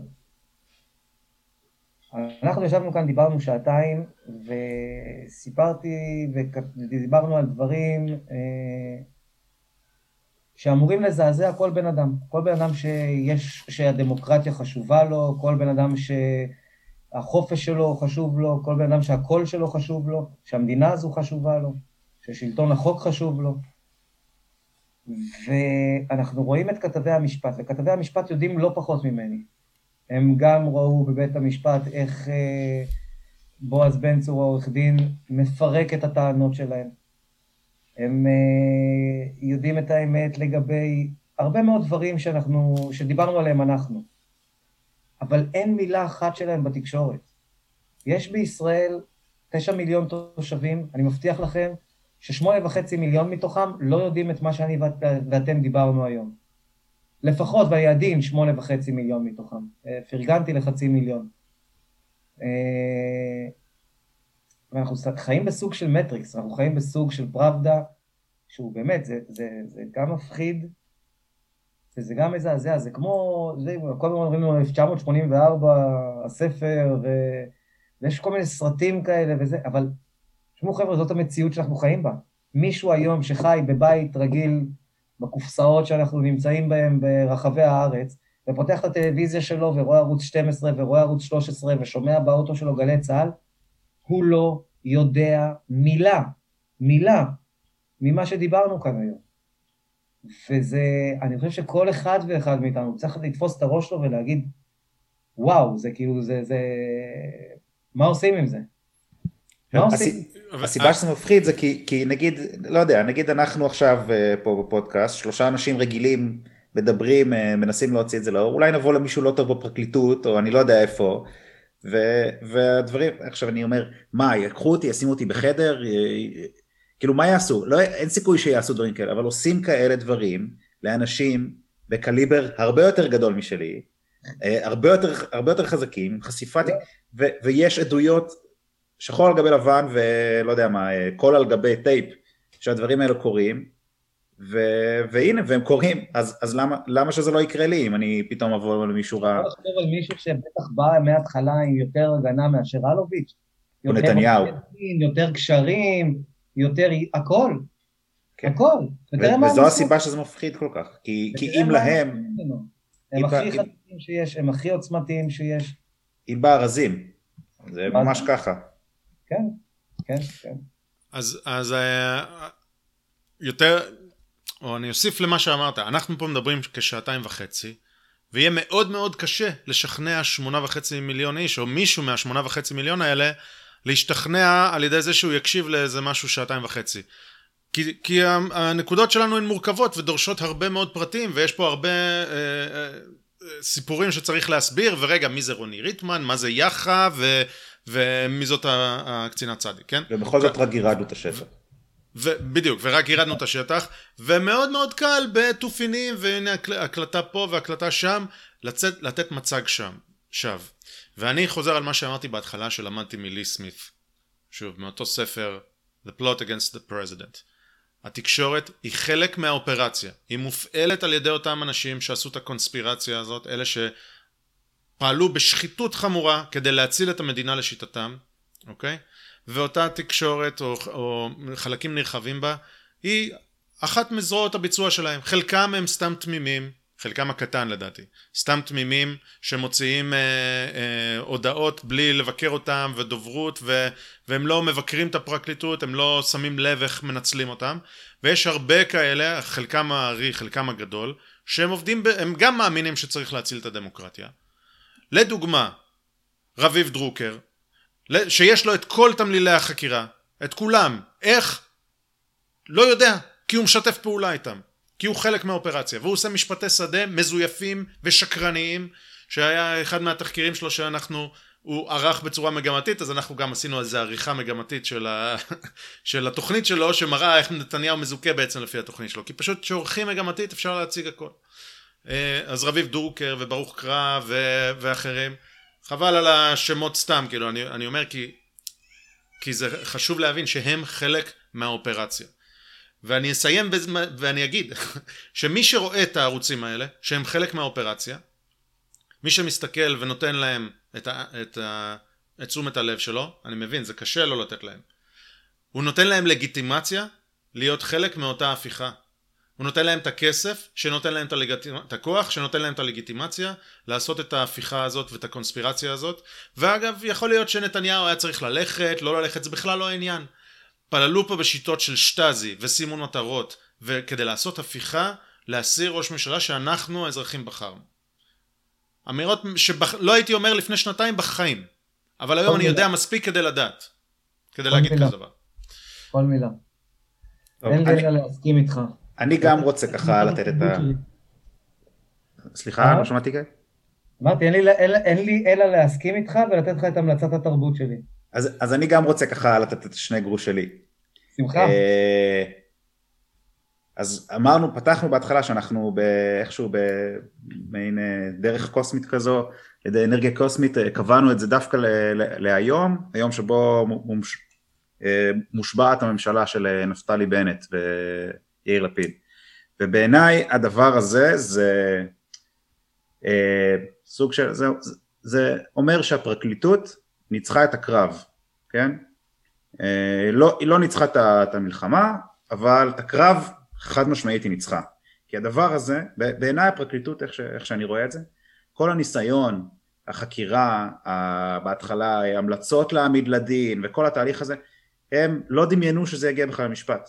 נכון. הם חשבו שהתמיכה הציבורית בנתניהו תרד, זה יפגע בו, הוא כבר לא יקבל 30 מנדטים, הוא ירד, הוא ייתן למישהו אחר, הוא יזכה, קודם כל, לא משנה מה, הם הניפו את החרב, נתניהו התקפל, ככה הם ראו את זה, כי ככה זה קרה עד עכשיו, ויש עדויות לזה גם במקרים אה, בעבר, זה, זה קרה כבר, וזה, וככה הם דמיינו את זה, הם לא דמיינו שהם הגיעו למשפט, ובגלל זה הכתב אישום הזה וה, והתביעה היא כל כך חלשה ומזלזלת וחובבנית, כי הם לא דמיינו שהם יגיעו לשם. וזו הסיבה בעיניי שהיה חשוב כל כך שנתניהו יישאר בראשות הממשלה. בגלל שא' זה אומר שהם לא ינצחו את הקרב הזה, וזה קרב על הדמוקרטיה שלנו, ממש ככה. את המלחמה אתה מדבר. אה, את, סליחה, את, את המלחמה, אבל גם את הקרב הזה חשוב לי היה שהם לא ינצחו. Mm-hmm. כי זה, קרב, כי זה מלחמה על הדמוקרטיה שלנו, ו, וגם בשביל שהמשפט הזה שמראה שכל הדבר הזה הוא בעצם מתודה, זה בעצם שיטה שהם עושים שוב ושוב, וזו תוכנית פעולה סדורה, חשוב לי שזה יהיה באור הזרקורים הכי גדול שיש, שזה רק אור הזרקורים של ראש הממשלה. אני חושב ש... אני מקווה שהמשפט הזה עדיין יתפוס כותרות אה, כשצריך, אבל... ו... וצריך, כן? אבל אני חושב שבתור יו"ר אופוזיציה יהיה לו קצת פחות, אני מקווה שלא הרבה. אה, וזהו, זה, זה פשוט כל, ה, כל הפלונטר הפוליטי וכל הדבר הזה, זה, זה תוצר ישיר של זה בעיניי. ועכשיו זה שקמה הממשלה לא בראשות נתניהו, זה, זה, זה ניצחון בקרב, וצר לי, כן? אוקיי, אז... Okay, אז עכשיו לפני המלצת תרבות אמרנו שאלוביץ' הוא גיבור. אנחנו נגיד עכשיו בפה מלא עם כל הביקורת שיש לנו עליו. שנתניהו זה שהוא עמד לדעתי הוא גיבור. זה שהוא עמד ש... מול הדבר הזה והוא ממשיך לעמוד מול זה. הוא גיבור. ואני חושב שגם מגיע טפיחה על השכם לציבור שלם ולכמה אנשים ש... שלא על... אה, שהיה מאוד קל ללכת עם הזרם ולהגיד אה, מושחת וזה ואין לי כוח והכל ושעמדו וגיבו אותו ב... בו ובמפלגות שתומכות בו במשך ארבע מערכות בחירות ועדיין. וביניהם אתה גיא שעושה הרבה דברים ומעל ומעבר, מעורבות אזרחית בצורה הכי טובה שיכולה להיות, והכי, באמת, כמו, ש, כמו שהתכוונו בכל הפילוסופים הכי גדולים, מה זה מעורבות אזרחית, אז שאפו ענק לך על הפרויקט. ועל המעורבות ועל זה שאתה מכיר את הכל ושוב כי זה אמרנו פה את זה על הדרך התיק הזה גרם לך ללכת ללמוד משפטים כי אתה מעכשיו אני מניח תמשיך להיות מעורב גם עם התיק הזה וגם עם דברים אחרים כי זה חשף בפנינו את הדבר הזה אז שאפו ענק לך והפסדנו בקרב פה ואנחנו מאחלים הצלחה לממשלה אבל אסור לנו להפסיד במלחמה הזאת. אה, הסתה הסתה. מלחמה מטאפורית חבר'ה יופי.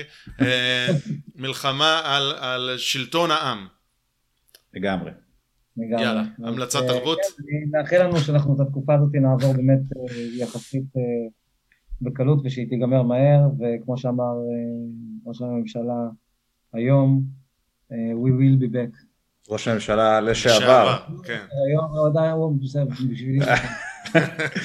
כן, ואגב, ואגב, את המלחמה הזאת, גם עוד משהו שחשוב, באמת אני אומר, חשוב לעשות עם חיוך על הפנים. לא רק כי זה טוב לבריאות הנפשית שלנו, אלא כי זה ימשוך אנשים לצד שלנו. אם נהיה ממורמרים, וכמו השמאל האמריקאי וגם השמאל הישראלי שהם אה, אה, רק, אה, אתה יודע, בשורות איוב כל היום, לא, אנחנו צריכים לעשות את זה עם חיוך, ולהראות כמה הם עלובים. ושקרנים והם צריכים, צריכים להיות בכלא אלה שעשו את הדבר הזה. זהו, נכון. ויאללה, המלצת תרבות, קדימה. יש לך משהו? כן, יש לי שני דברים שהייתי ממליץ לכם. אחד, זה לצפות. זה המשך ישיר למה שאנחנו דיברנו היום, אה, יש סדרה אה, של ארבעה פרקים, אתם יכולים לראות רק את הפרק הראשון, אתם כבר לא תשנו שבועיים בגלל זה. הסדרה שודרה בעבר בערוץ 10, היא נקראת דיני נפשות. מי שעשה את הסדרה הזאת זאת אורנה בנדור, אה, לא מחובבות נתניהו הגדולות, בוא נגדיר את זה ככה.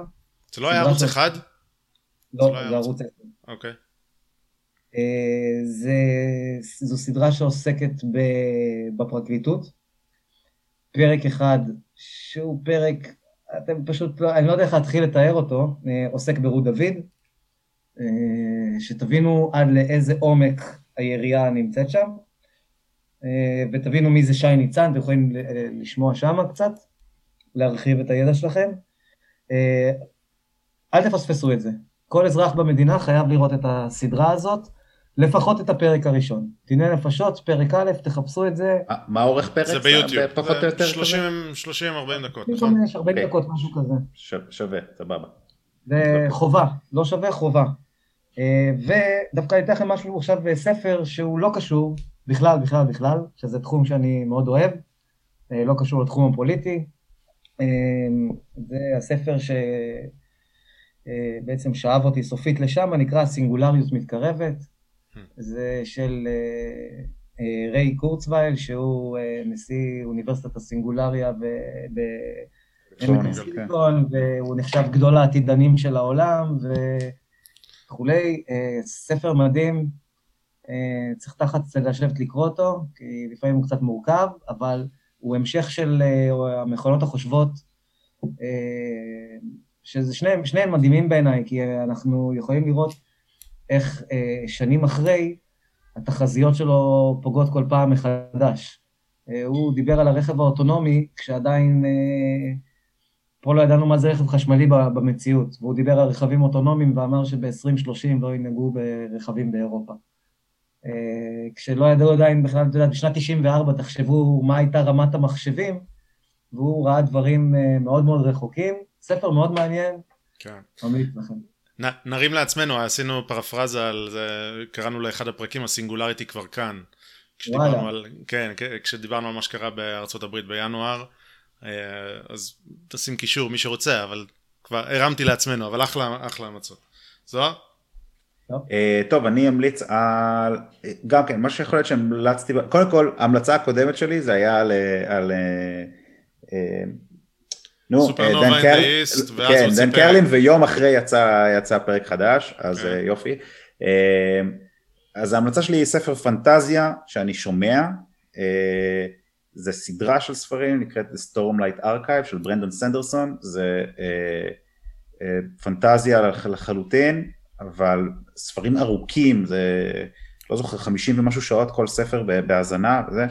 אה, יצאו עד, עד עכשיו ארבעה, אמור לצאת גם חמישי, והוא כותב מצוין בעיניי ומומלץ.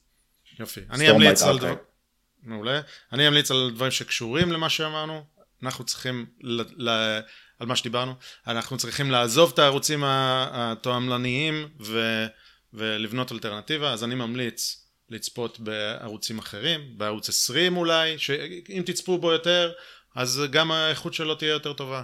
ולהירשם בטלגרם לערוצים, לערוץ של גיא לוי אה, וכולי, כדי להיות, אה, לקבל את המידע מכיוונים אחרים. עכשיו, אתם יכול להיות שלא תנטשו לחלוטין את מה שנקרא corporate media, corporate press, אבל אתם צריכים ללכת גם למקומות האלה כדי להסיר מהם את הכוח הזה. לפחות בזה אנחנו יכולים ממש להילחם בשלט, כן. מי שרוצה לעזור לערוץ 20, שילך ויקנה פשוט את המפרסמים שנמצאים שם. אם עכשיו uh, פרסמה חברת ביטוח שם, תתקשרו כשאתם צריכים ביטוח לחברה הזאת. ותגידו שבאתם בגלל הפרסומת בערוץ 20. אתם רוצים לעזור להם, תעשו את זה ככה. גלי ישראל בעיניי מדהימים, הם פשוט עשו מהפכה, מהפכה בכל שידורי הרדיו בישראל, הם אמורים להיות רדיו אזורי, שלושת רבעי מדינה מקשיבה להם דרך הטלפון, דרך הפייסבוק, אה, אפליקציה וזה, כן. אפליקציה וכל הדברים האלה, וזה פשוט, מה, אם נצליח לעשות בערוץ 20 את מה שגלי ישראל עשו ברדיו, אם נצליח לעשות את זה בטלוויזיה, מצבנו יהיה נהדר.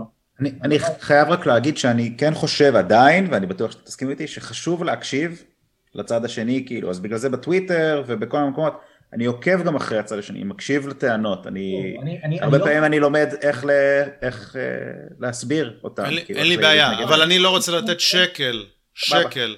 לערוץ 12, לערוץ 13, אין לי בעיה לעקוב אחרי ברוך קרא בטוויטר, אין לי בעיה. אבל לא, שקל לא לתת לשקרנים האלה. לא, לא להיכנס לתוך בועת, אה, לתוך תיבת תעודה, זה מה שאני... אני כשאני כותב פוסט, או כשאני כותב איזשהו משהו, אני תמיד נכנס לקרוא קודם כל אותם. קודם כל אותם מה הם כתבו על זה. למה? כי אחרת כשאני אתחיל לכתוב את הפוסט שלי, אז מיד התגובות שלהם יגידו, הנה זה, ומה ככה ומה אם ככה. אני מראש לוקח את כל הטענות שלכם, וכבר פותר אותם בזמן הפוסט. שאני פותח את השאלות האלה, שתעשה לי את ה cherry picking אחר כך, ותנסה להרוס את הכל הזה. אז אנחנו כבר מראש, אני שומע את הטענות של הצד השני, אני מבין אותם, אני מפריך אותם, ואז אני כותב את מה שאני כותב. מאה אחוז. יפה. גיא לוי, שוב מגיע לך שאפו ענק, תודה רבה. שיחה ארוכה ולמטיבי לכת, אבל חשובה מאין כמוה, כן. ואנחנו אה, מצפים לתגובות. תודה רבה. היה לי כיף. אנחנו פה אם צריך, אה, אם צריך עזרה, אנחנו פה, בהחלט. מתנדבים, בואו לפרויקט ה-315. כן.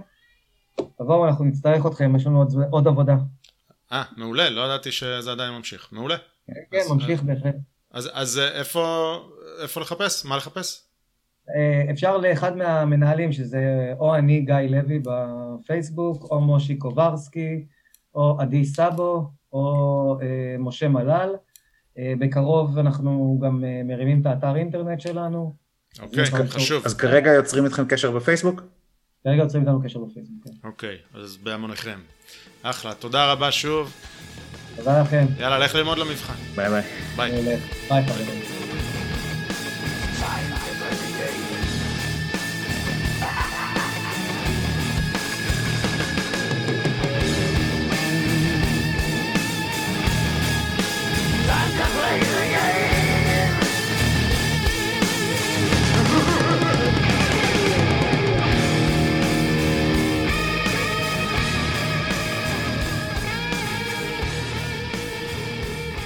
אם אהבתם את מה ששמעתם, אתם מוזמנים לעקוב אחרינו ולהצטרף לערוץ הטלגרם שלנו.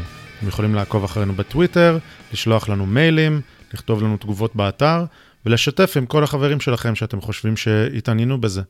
כל תגובה שלכם, הערה, פידבק, הצעה לאורחים, מיילים זוהמים, מה שתרצו, רק עוזר לנו להשתפר ולתת לכם מוצר יותר טוב. תודה שהאזנתם, עד הפעם הבאה, להתראות.